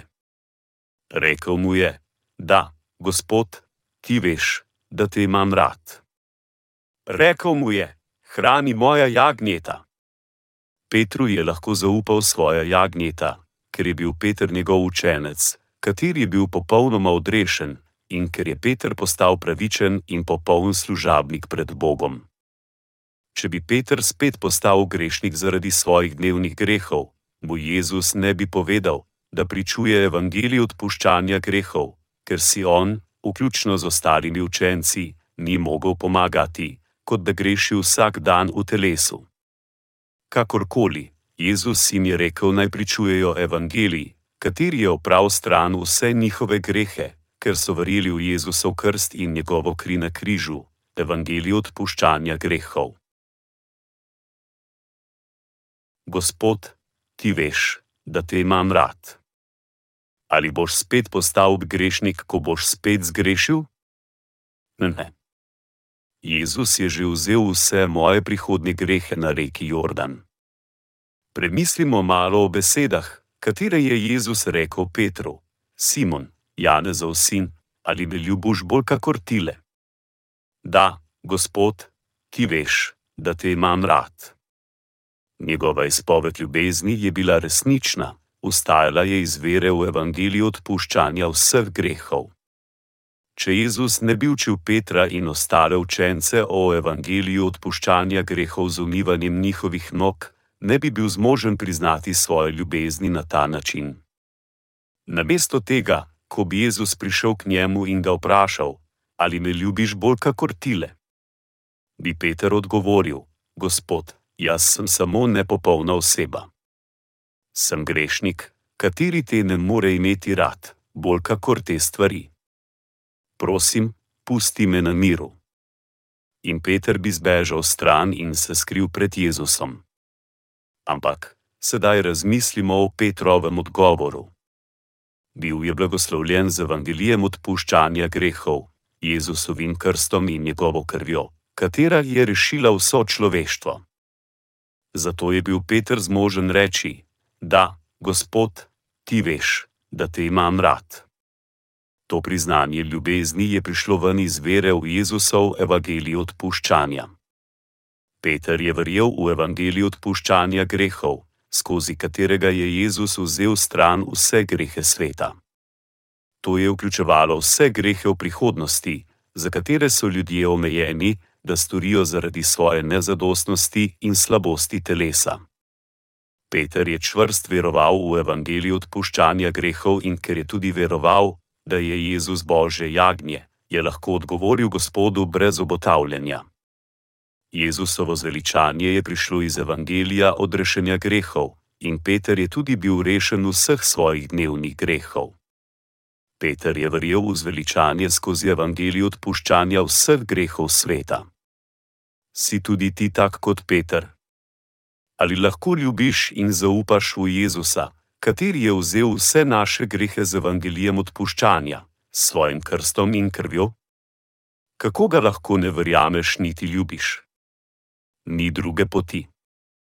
Če bi Jezus vzel samo prejšnje in sedanje grehe in pustil grehe iz prihodnosti, mi ga sedaj ne bi bili zmožni poveličevati, kakor sedaj.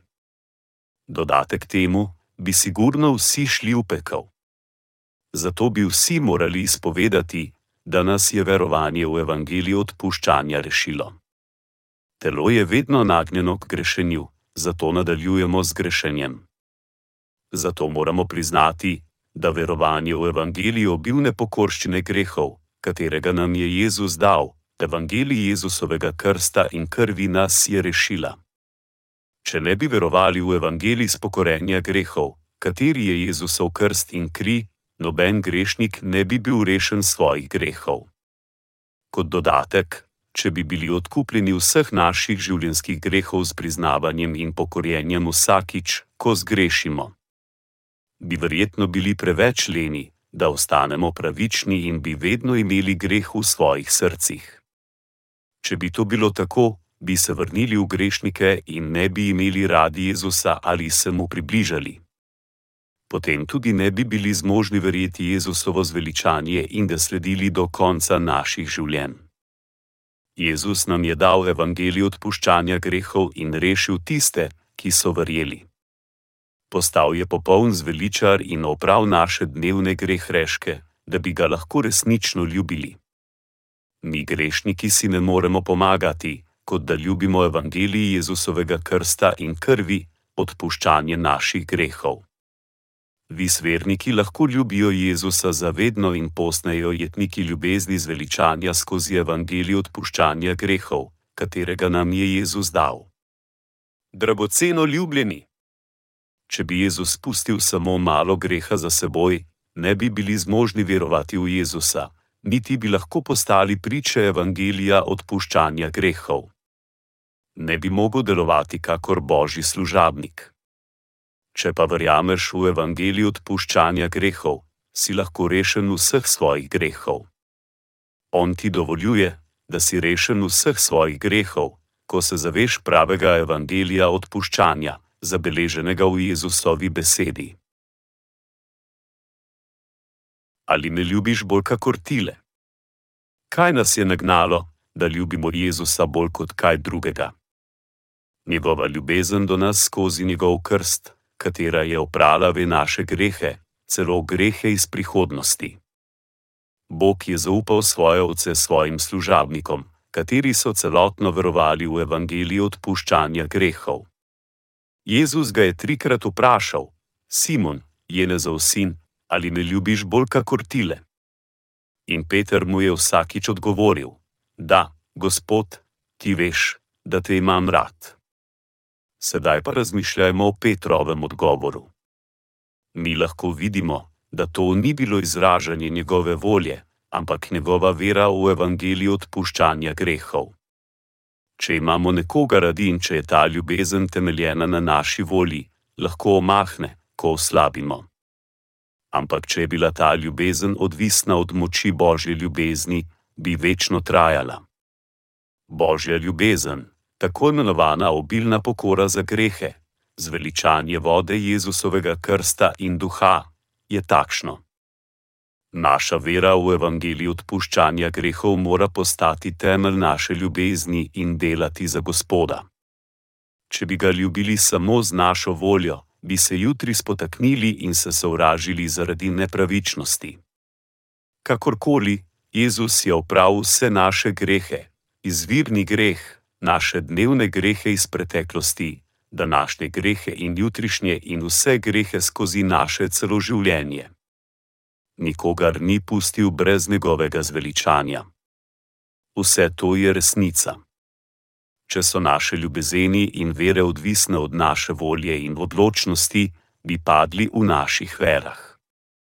Ker pa je naša ljubezen in vera odvisna od evangelija odpuščanja, katerega je dal Jezus, smo mi, že božji otroci, praviniki. Odkar verjamemo v zveličanje vode in duha, smo brez greha.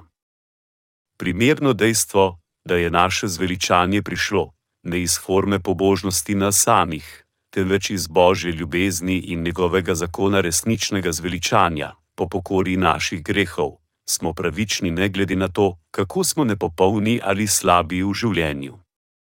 Mi bomo vstopili v nebeško kraljestvo in poveličevali bogatstvo večnost. Ali verjameš temu? Prva. Janez 4,10 izjavlja: Kot dobri oskrbniki mnogokatere božje milosti strezite drug drugemu z milostnim darom, kakor ga je kdo prejel.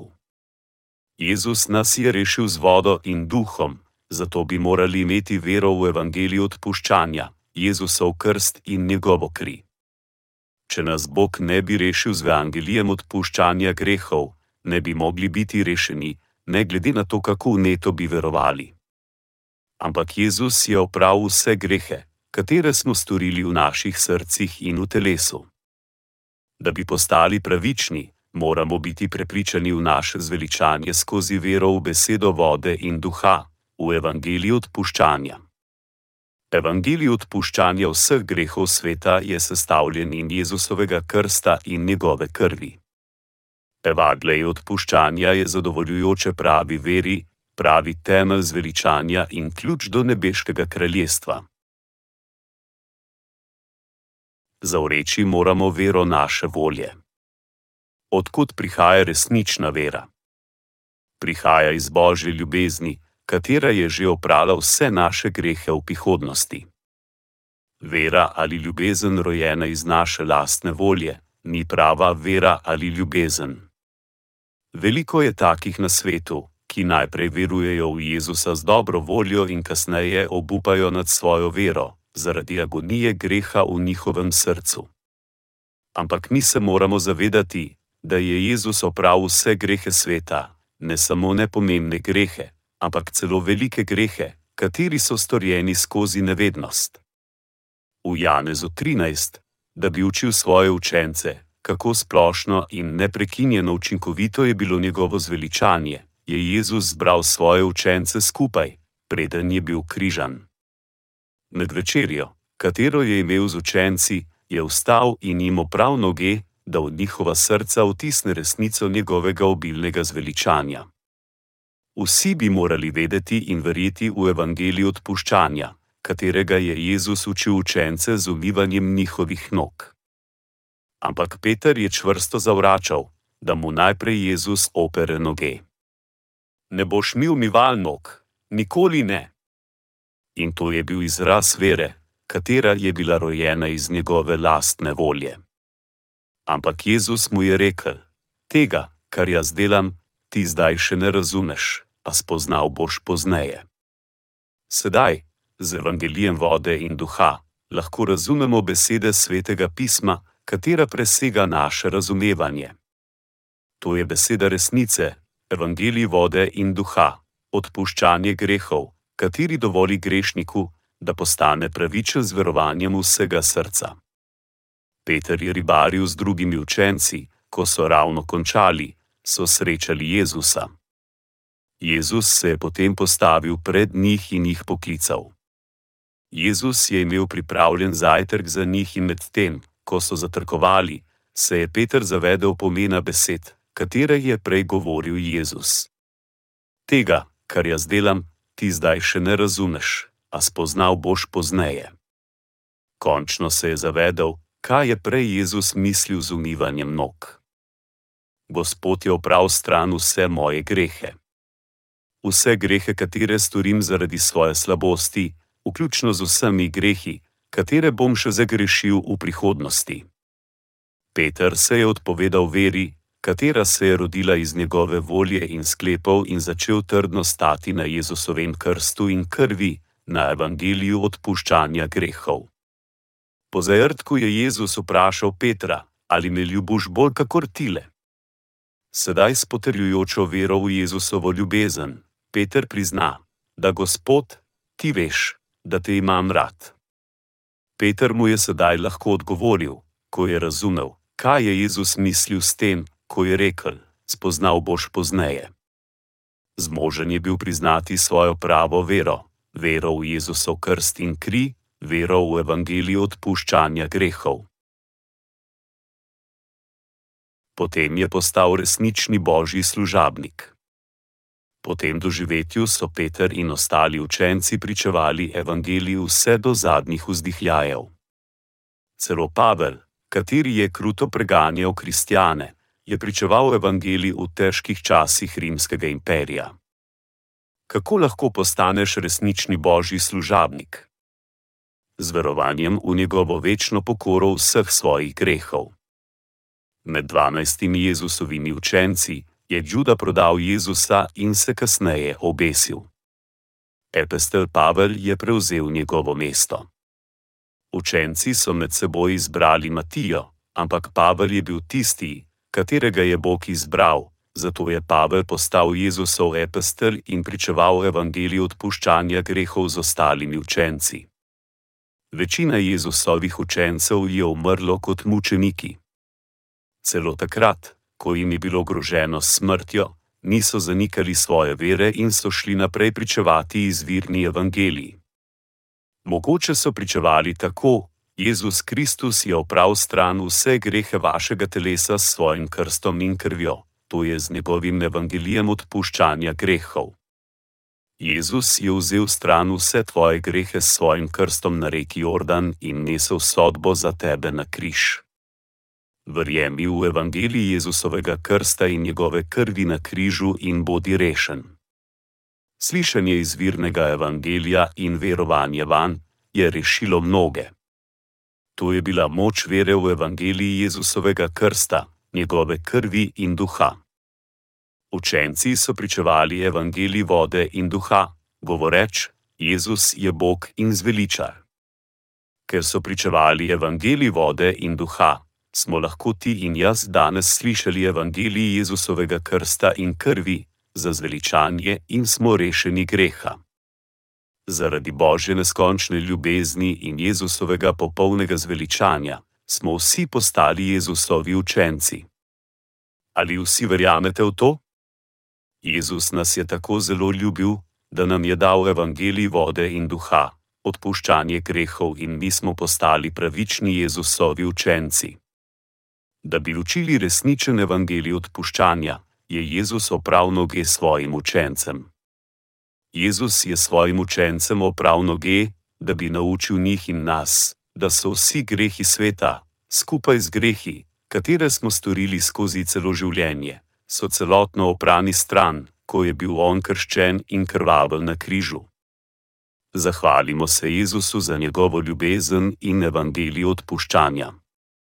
Jezus nas je naučil dve stvari z umivanjem nog učencev.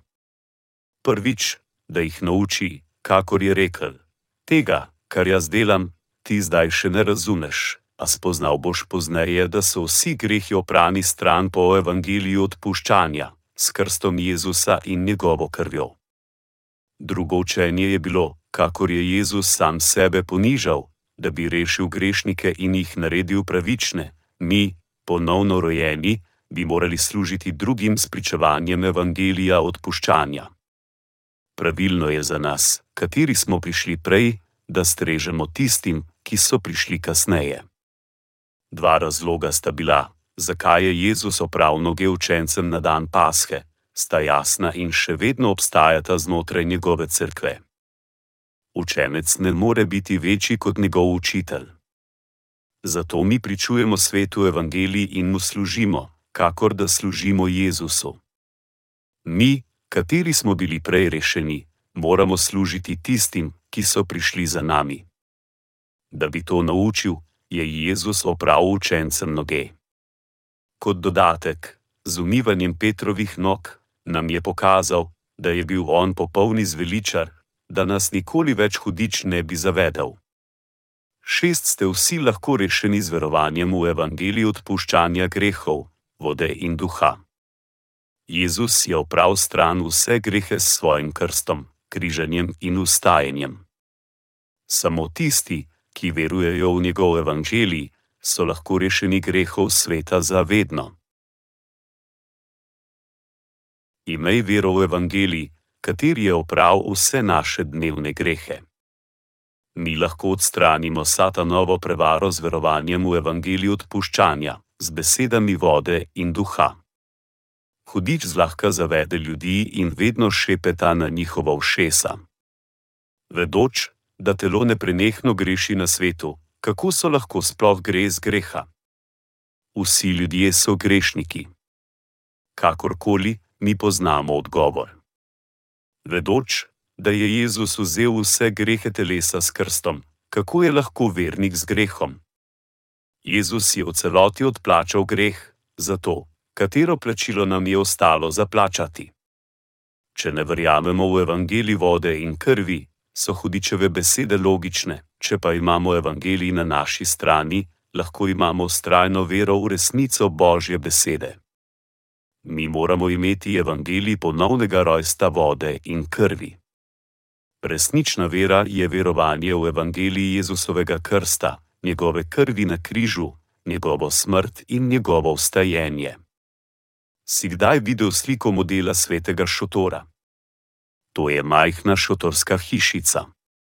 Šotor je razdeljen v dva dela, zunanji del je sveti del in notranji del je najsvetejše svetišče, kjer je nameščen prestol milosti. Tam je vsega skupaj 60 stebrov na zunanjem dvorišču svetega šotora in najvetejši del ima 48 plošč. Moramo si zamisliti sliko svetega šotora v naših mislih, da bi lahko razumeli pomen Božje besede. Iz česa so bila narejena dvoriščna vrata svetega šotora? Iz česa so bila narejena dvoriščna vrata svetega šotora? iz plavega tkanega platna, višnjevega in drečega škrlata in sukane tančice. Vrata za dvorišče svetega šotora so zapisana v druga Mojzesovi knjigi 27:16. Za vrata na dvorišče ne bo zagrinjalo 12 komovcev in višnjevega in rdečega škrlata, karmezina in sukane tančice v umetelnim vezenjem, naj imajo štiri stebre s štirimi podstavki. Materiali, ki so bili uporabljeni za izdelavo dvoriščnih vrat, so bili iz višnjevega in rdečega škrlata, karmezina in sukane tančice. Bili je umetelno vezano in zelo pisano. Bog je Mojzesu naročil, da naj pisano vezejo vrata z višnjevim in rdečim škrlatom, zato bi se laže našel vhod v šotor. Zagrinjalo iz višnjevega in rdečega škrlata, karmezina in sukane tančice, je viselo na štirih stebrih. Ti materiali so simbolizirali načrt Božjega zveličanja, s katerim bo lahko rešil vse tisti, ki verujejo v njegovega sina, skozi krst in kri Jezusa in njegov obstoj Boga. Vsak material, ki je uporabljen v gradi svetega šotora, ima poseben pomen in predstavlja Božjo besedo in njegov plan, da reši človeštvo skozi Jezusa koliko različnih materijalov je bilo uporabljeno za dvoriščna vrata svetega šotora. Štiri različni materijali so bili uporabljeni: višnjev, rdeč škrlat, karmezina in sukana tančica. Ti so zelo značilni in nam pomagajo jačati vero v evangeliji ponovnega rojstva. Če ne bi bilo pomembno, ta informacija ne bi bila zapisana v svetem pismu na tako podroben način. Vsi materiali, ki so bili uporabljeni za dvoriščna vrata svetega šotora, vsebuje poseben pomen za naše zveličanje. Zato je Bog razodel te stvari Mojzesu in mu rekel, naj stori ravno tako, kot mu je bilo rečeno. Kaj znotraj Božjega evangelija pomenijo višnjev in rdeč krlat, karmezin in sukana tančica? Kaj so vsi materiali, ki so bili uporabljeni v šotoru? Pomenili. Jezusovo zveličanje skozi svoj krst in kri. Znotraj svetega šotora je višnjev in rdeč škrlat, karmezin in sukana tančica spet uporabljen za začico, ki je visela med svetim delom in najvetejšim delom. Iz tega materiala je bil uporabljen za izdelavo oblek svetega duhovnika, ki je lahko stopil v najvetejši del enkrat na leto. Karmezin predstavlja Jezusov krst. V 1. Petrovi 3, 21 je rečeno: Ta voda pa je podoba krsta, ki zdaj rešuje vas. Peter je potrdil Jezusov krst, skozi katerega je vzel vse grehe sveta v tej vrstici in podoba zveličanja odpuščanja. Vsi naši grehi so bili prenešeni na Jezusa skozi njegov krst. Zato je vijoličasti škrlat, Jezusov krst, najbolj pomemben del besede zveličanja. Rdeč škrlat predstavlja Jezusovo kri in višnjev škrlat predstavlja njegovo božanstvo, status Jezusa kot kralja in Boga. Tri barve zekanin je bilo potrebno za našo vero v Jezusa in njegovo zveličanje. Veličasten zunani karmezin je bil imenovan efod, po velikemu duhovniku in oblačilo efoda je bilo tudi iz kamezina. Duhovnik je nosil na glavi tb, na kateri je visela zlata poščica, na kateri je bilo gravirano: Svetost Gospodu. Tudi ploščica je bila privezana na pokrivalo z vrvico iz višnjevega škrlata. Karmezin predstavlja resnico. Kaj predstavlja karmezin? Jezusov krst. Pogledal sem pomen modrega karmezina v svetem pismu. Kaj sveto pismo govori o modri? Moramo razumeti modri karmetin med višnjevim in rdečim škrlatom in karmezinom. Modri karmezin predstavlja vodo, to je Jezusov krst. Jezus Kristus je bil krščen po Janezu Krsitniku, da bi oduzel vse grehe vseta, Matej 3, 15. Če Jezus ne bi vzel vse grehe sveta s svojim krstom, ne bi postali posvečeni pred Bogom. Zato je moral Jezus priti na ta svet in se krstiti po Janezu Krstniku na reki Jordan, da bi oduzel vse grehe sveta. Razlog, zakaj je moral biti modri karmezi na dvoriščnih vratih svetega šotora, je bil, ker ne moremo postati posvečeni brez Jezusovega krsta. Rdeči škrlat predstavlja njegovo kri, Jezusovo smrt. Višnjeva predstavlja Jezusovo božanstvost, tako Jezusov status kot edini vladar, kralj nad kraljujočimi in gospod nad gospodujočimi. 1. Timotej 6, 15.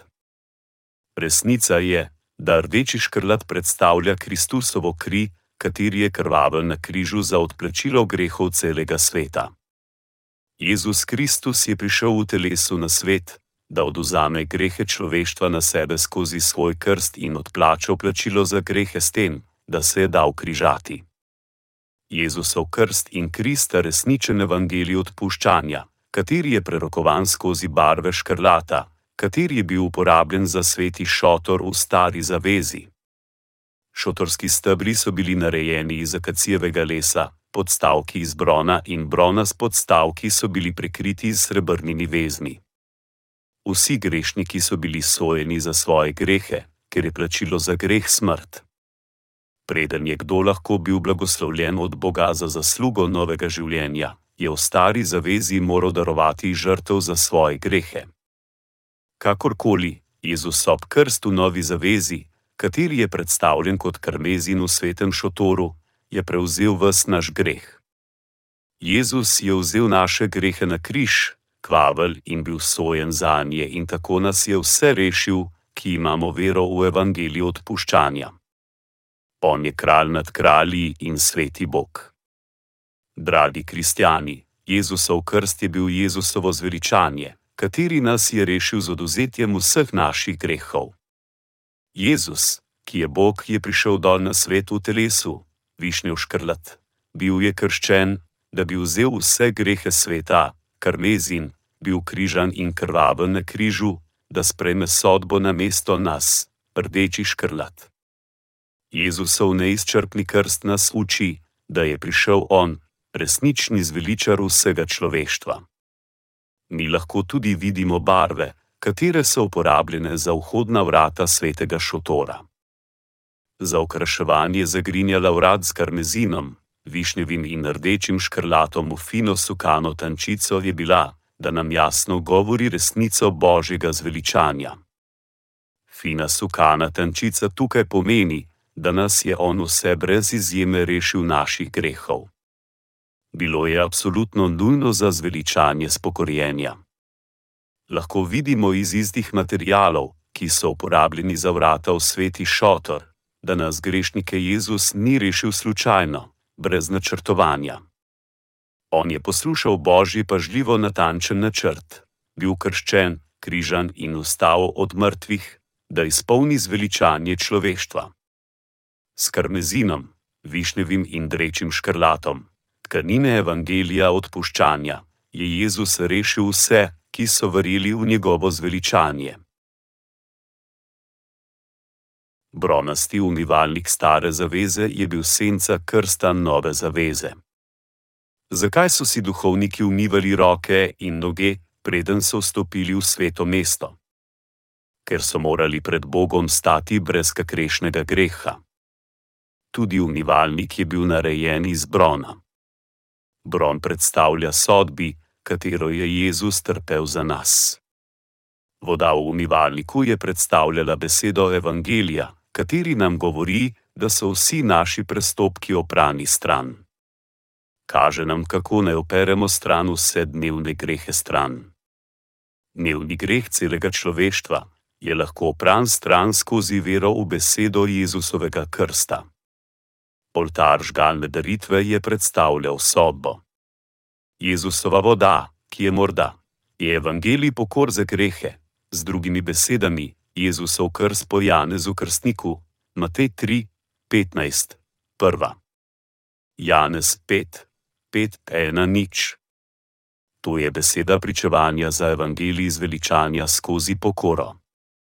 V 1. Janezu 5 je zapisano, in to je zmaga, ki je premagala svet naša vera.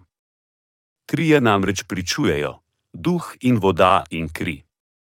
In to troje je zedinjeno. On nam tudi govori, da kdor veruje v Božjega Sina, ima pričevanje vode, krvi in duha v sebi.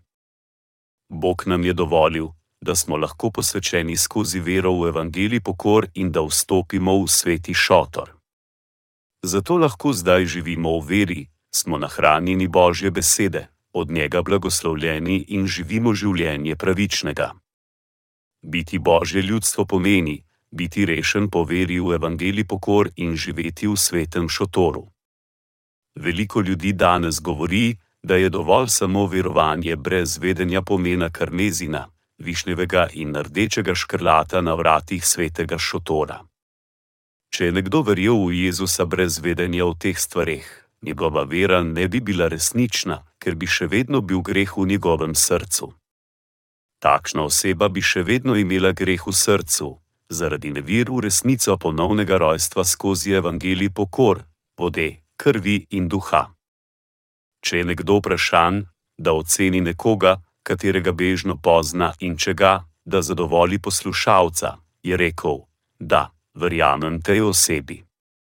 Seveda, nikoli ga nisem srečal, ampak mu vseeno verjamem. Misliš, da bi bil poslušalec zadovoljen, da sliši to?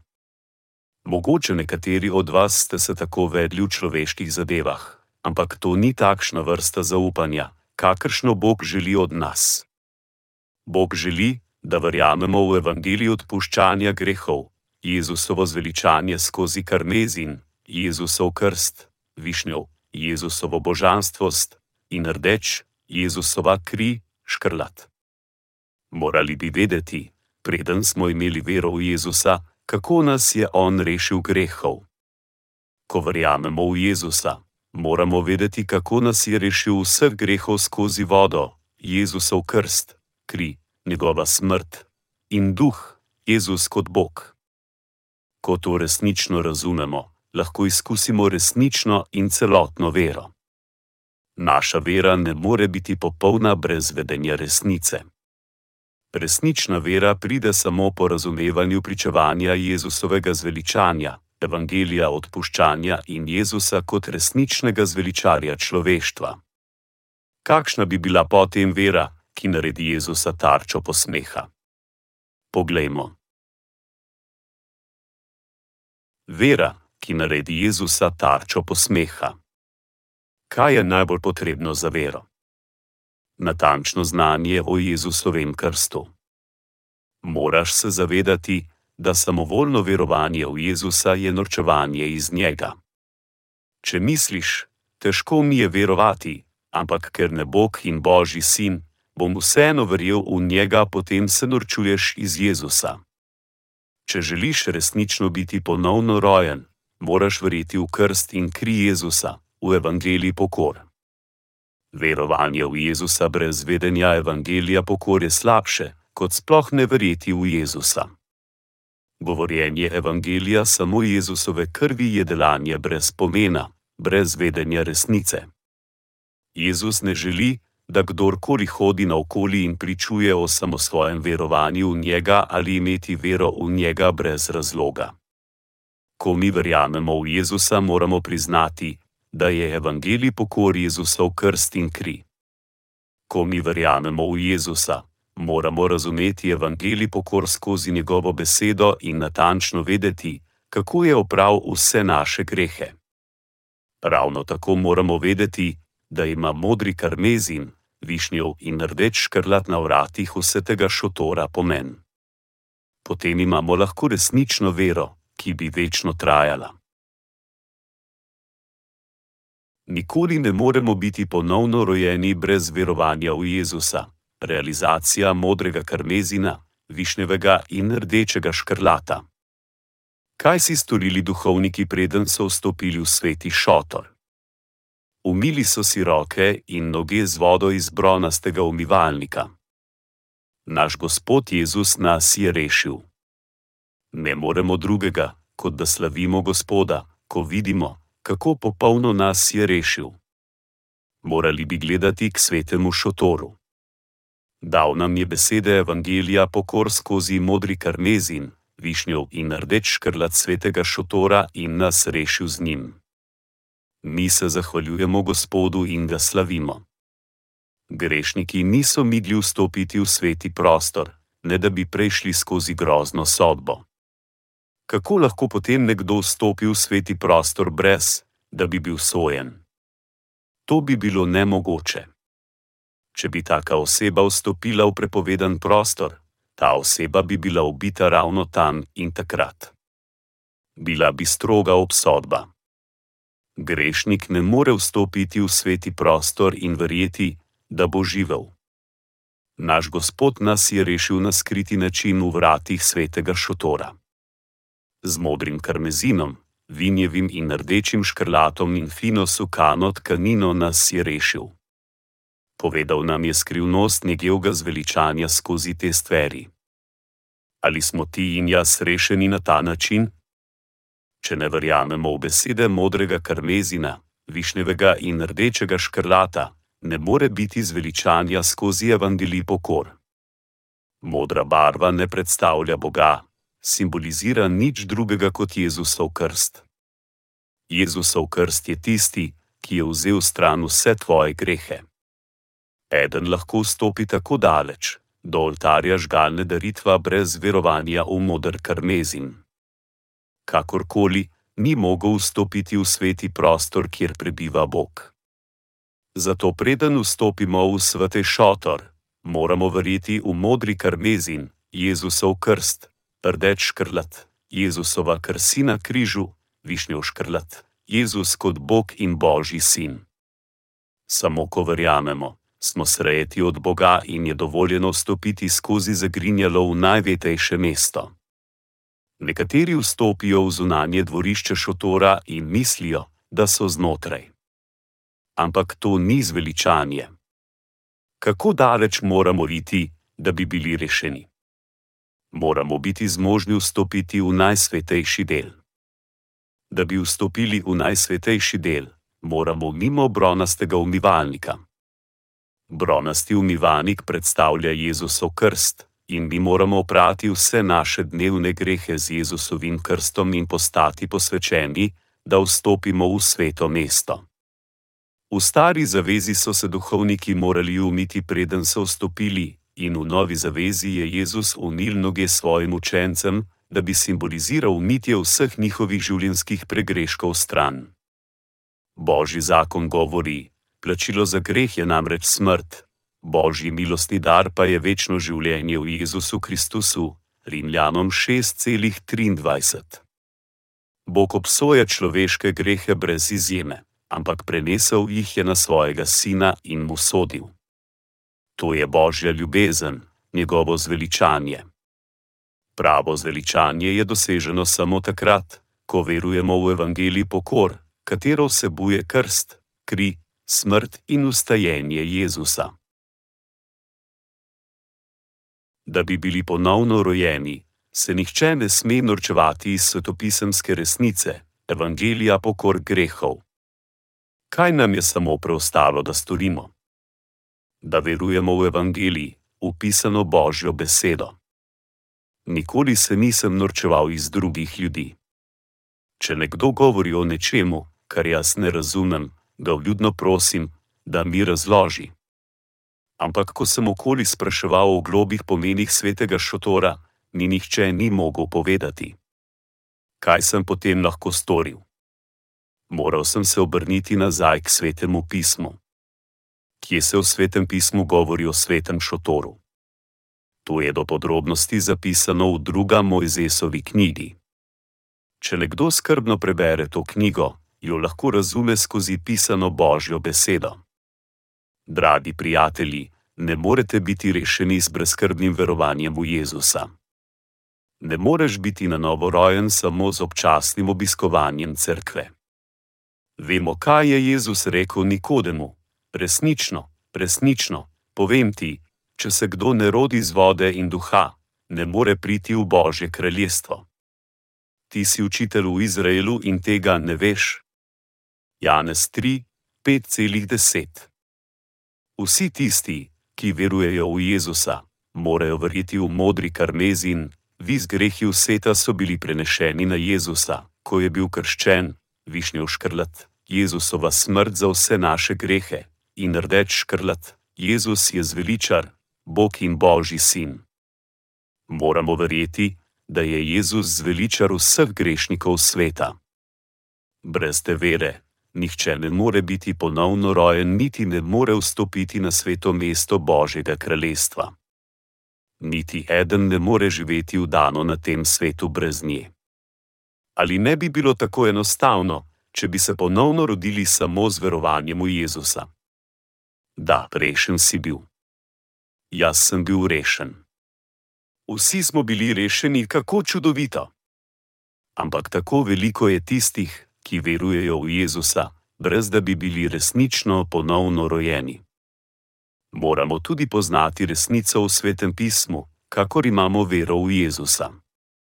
Moramo razumeti evangelij odpuščanja grehov v svetem pismu in pomen karmezina, višnjevega in rdešega škrlata, da bi lahko stopili v šotor in bili z Bogom v kraljevini vere.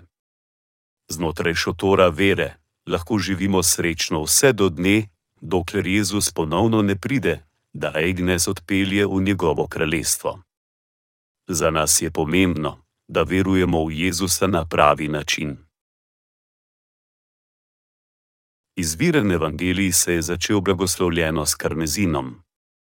Kaj je neobhodni pogoj za zveličanje, poleg Jezusovega križa? Jezusov krst. Ljudje mislijo, da lahko živijo popolno brez da bi delali napake.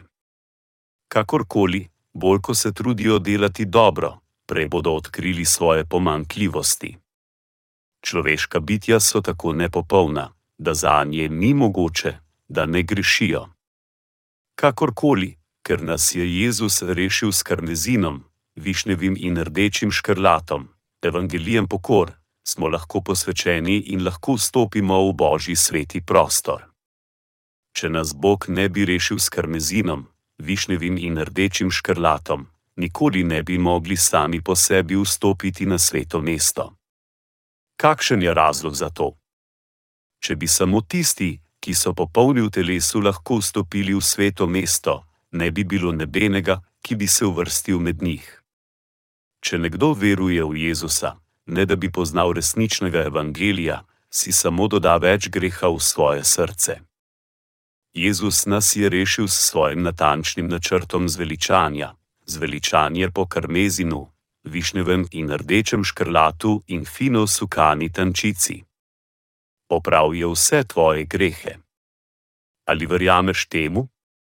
Da ali imaš resnico evangelija odpuščanja v svojem srcu in pričuješ temu? Da samo, ko pričuješ evangelij, si lahko nadeneš na glavo zlato ploščico, na kateri je zapisano: Sveto Gospodu in se pridružijo kraljevi duhovščini, 1. Peter 2,9. Samo takrat lahko stopiš pred ljudi in jim rečeš, da si božji služabnik, delujoč kot kraljevi duhovnik. Trben velikega duhovnika ima zlato poščico, ta pa je privezana z vrvico iz višnjevega škrlata. Zakaj višnjeva? Zato, ker nas je Jezus rešil z evangelijem odpuščanja, vzel stran vse naše grehe in negnes naredil za negrešne skozi svoj krst. Krst v novi zavezi je enak polaganju roku stari zavezi. Ne glede na to, kako mrljivo in vdano verjamemo v Jezusa, ne bi bili zmožni zaslužiti v gravi rano ploščico sveto gospodu brez prepoznavanja skrivnosti besed karmezina, višnjevega in rdečega škrlata. Zakaj smo postali pravični? V Mateju 3:15 je zapisano: Kaj ti spodobi se nama, da tako izpolniva vso pravičnost. Jezus je bil krščen in nas rešil vseh grehov sveta. Skozi svoj krst je vzel vse naše grehe in mi grešniki smo postali pravočni. Kako bi lahko rekli, da smo brez greha, če ne bi bilo Jezusovega krca? Če tudi bi verjeli v Jezusa in jokari misleč o njegovi smrti na križu, vse solze sveta ne bi oprale vseh naših grehov. Ne. Ne glede na to, koliko bi jokali in obžalovali, bi naši grehi ostali v nas. Sveto Gospodu. Odkar je vzel stran vse naše grehe s svojim krstom in krvjo, je Gospod dovolil, da se vsi grehi grešnikov prenesejo na Jezusa in ker je beseda zveličanja zapisana v svetem pismu, smo postali pravični po naši veri, ne glede na naše nepravičnosti in slabosti. Zato lahko sedaj stojimo pred Bogom. Sedaj lahko živimo kot pravični in svetu pričujemo evangeliji. Rešen si bil. Jaz sem bil rešen. Vsi smo bili rešeni in bili smo rešeni po božjem milostnem načrtu. Brez besede evangelija pokor v svojem srcu, ni zveličanja, ne glede na to, kako močno se trudiš. Podobno je eni koreanski popularni pesmi o nevračani ljubezni. O, moje srce hitro bije brez razloga, vsakič, ko jo zagleda, vsakič, ko sem blizu nje verjetno je to nevračana ljubezen. Moje srce močno bije, vendar ne njeno. Moja ljubezen ni nikoli vrnjena. Žal imajo mnogi kristijani nevračano ljubezen do Boga. Ljudje so mislili, da pride zveličanje na različne načine različnim ljudem. Vprašajo, zakaj bi moral priti le po evangeliju krsta? Ampak nikoli ne bi bilo popolno zveličanje, če ne bi bilo Jezusovega krsta. To je edini način, po katerem lahko postanemo pravični pred Bogom, ker je to edina pot, po kateri smo popolnoma oprani vseh naših grehov. Kaj je zveličanje višnjevega škrlata, katerega nam je Jezus dal? Kaj nas je naredilo pravične? Evangelij višnjevega in rdečega škrlata in sukana tančica. Evangelij skozi višnjev in rdeč škrlat in sukane tančice je božji dar za vse človeštvo. Ta dar nam je omogočil, da vstopimo v sveti šotor in živimo v miru. Naredilo nas je pravične, nam omogočilo, da živimo v cerkvi in da smo izurjeni po svetih spisih skozi cerkev vedno, ko gremo pred Boga z molitvijo, nas evangelij blagoslovi z njegovo ljubeznijo. Zato nam je zveličanje tako dragoceno. Jezus nam je rekel, da gradimo hišo vere na skali. Skala je evangelij njegovega krsta. Vsi bomo rešeni, živeli z veličanjem, šli v nebesa, zaslužili večno življenje in postali božji otroci. Dragi prijatelji, zaradi evangelija obkore, smo zmožni vstopiti v sveti šotor z vero. Zaradi opranja vseh naših grehov, Jezusov krst in sodbe na križu, smo bili rešeni z vero v evangeliji Jezusovega krsta. Obilna pokora za vse naše grehe, Jezusov krst in Krista je undeli, ki je oprav stran vse naše grehe. Ali verjameš temu? Resničen evangelij je nebeški evangelij obkore, kateri je celotno uprav stran vse grehe. Mi smo ponovno rojeni z verovanjem v evangelij obkore. Jezus nam je dal evangelij obkore, kateri je oprav stran vse naše dnevne grehe in celo vse prihodnje grehe. Slavi Gospoda! Aleluja! Evangelij vode in duha, evangelij vode in krvi je resničen evangelij, po Jezusu Kristusu izpopolnjen in pričevan. Ta knjiga je bila napisana, da odkrije skrivnost Jezusovega evangelija vode in duha. Ker veliko ljudi verjame v Jezusa brez vedenja celotne resnice, se sedaj samo bahajo, da so fundamentalisti ali religiozni pluralisti v svetu krščanske teologije, tako imenovana filozofska teologija, na kratko, oni živijo v hereziji in zmedi. Zato bi morali nazaj in verjeti v resničen evangelij. Še vedno ni prepozno. Bolj podrobno bom o tem pisal v drugi knjigi za tiste, ki imajo vprašanja o evangeliju ponovnega rojstva v vodi in v duhu.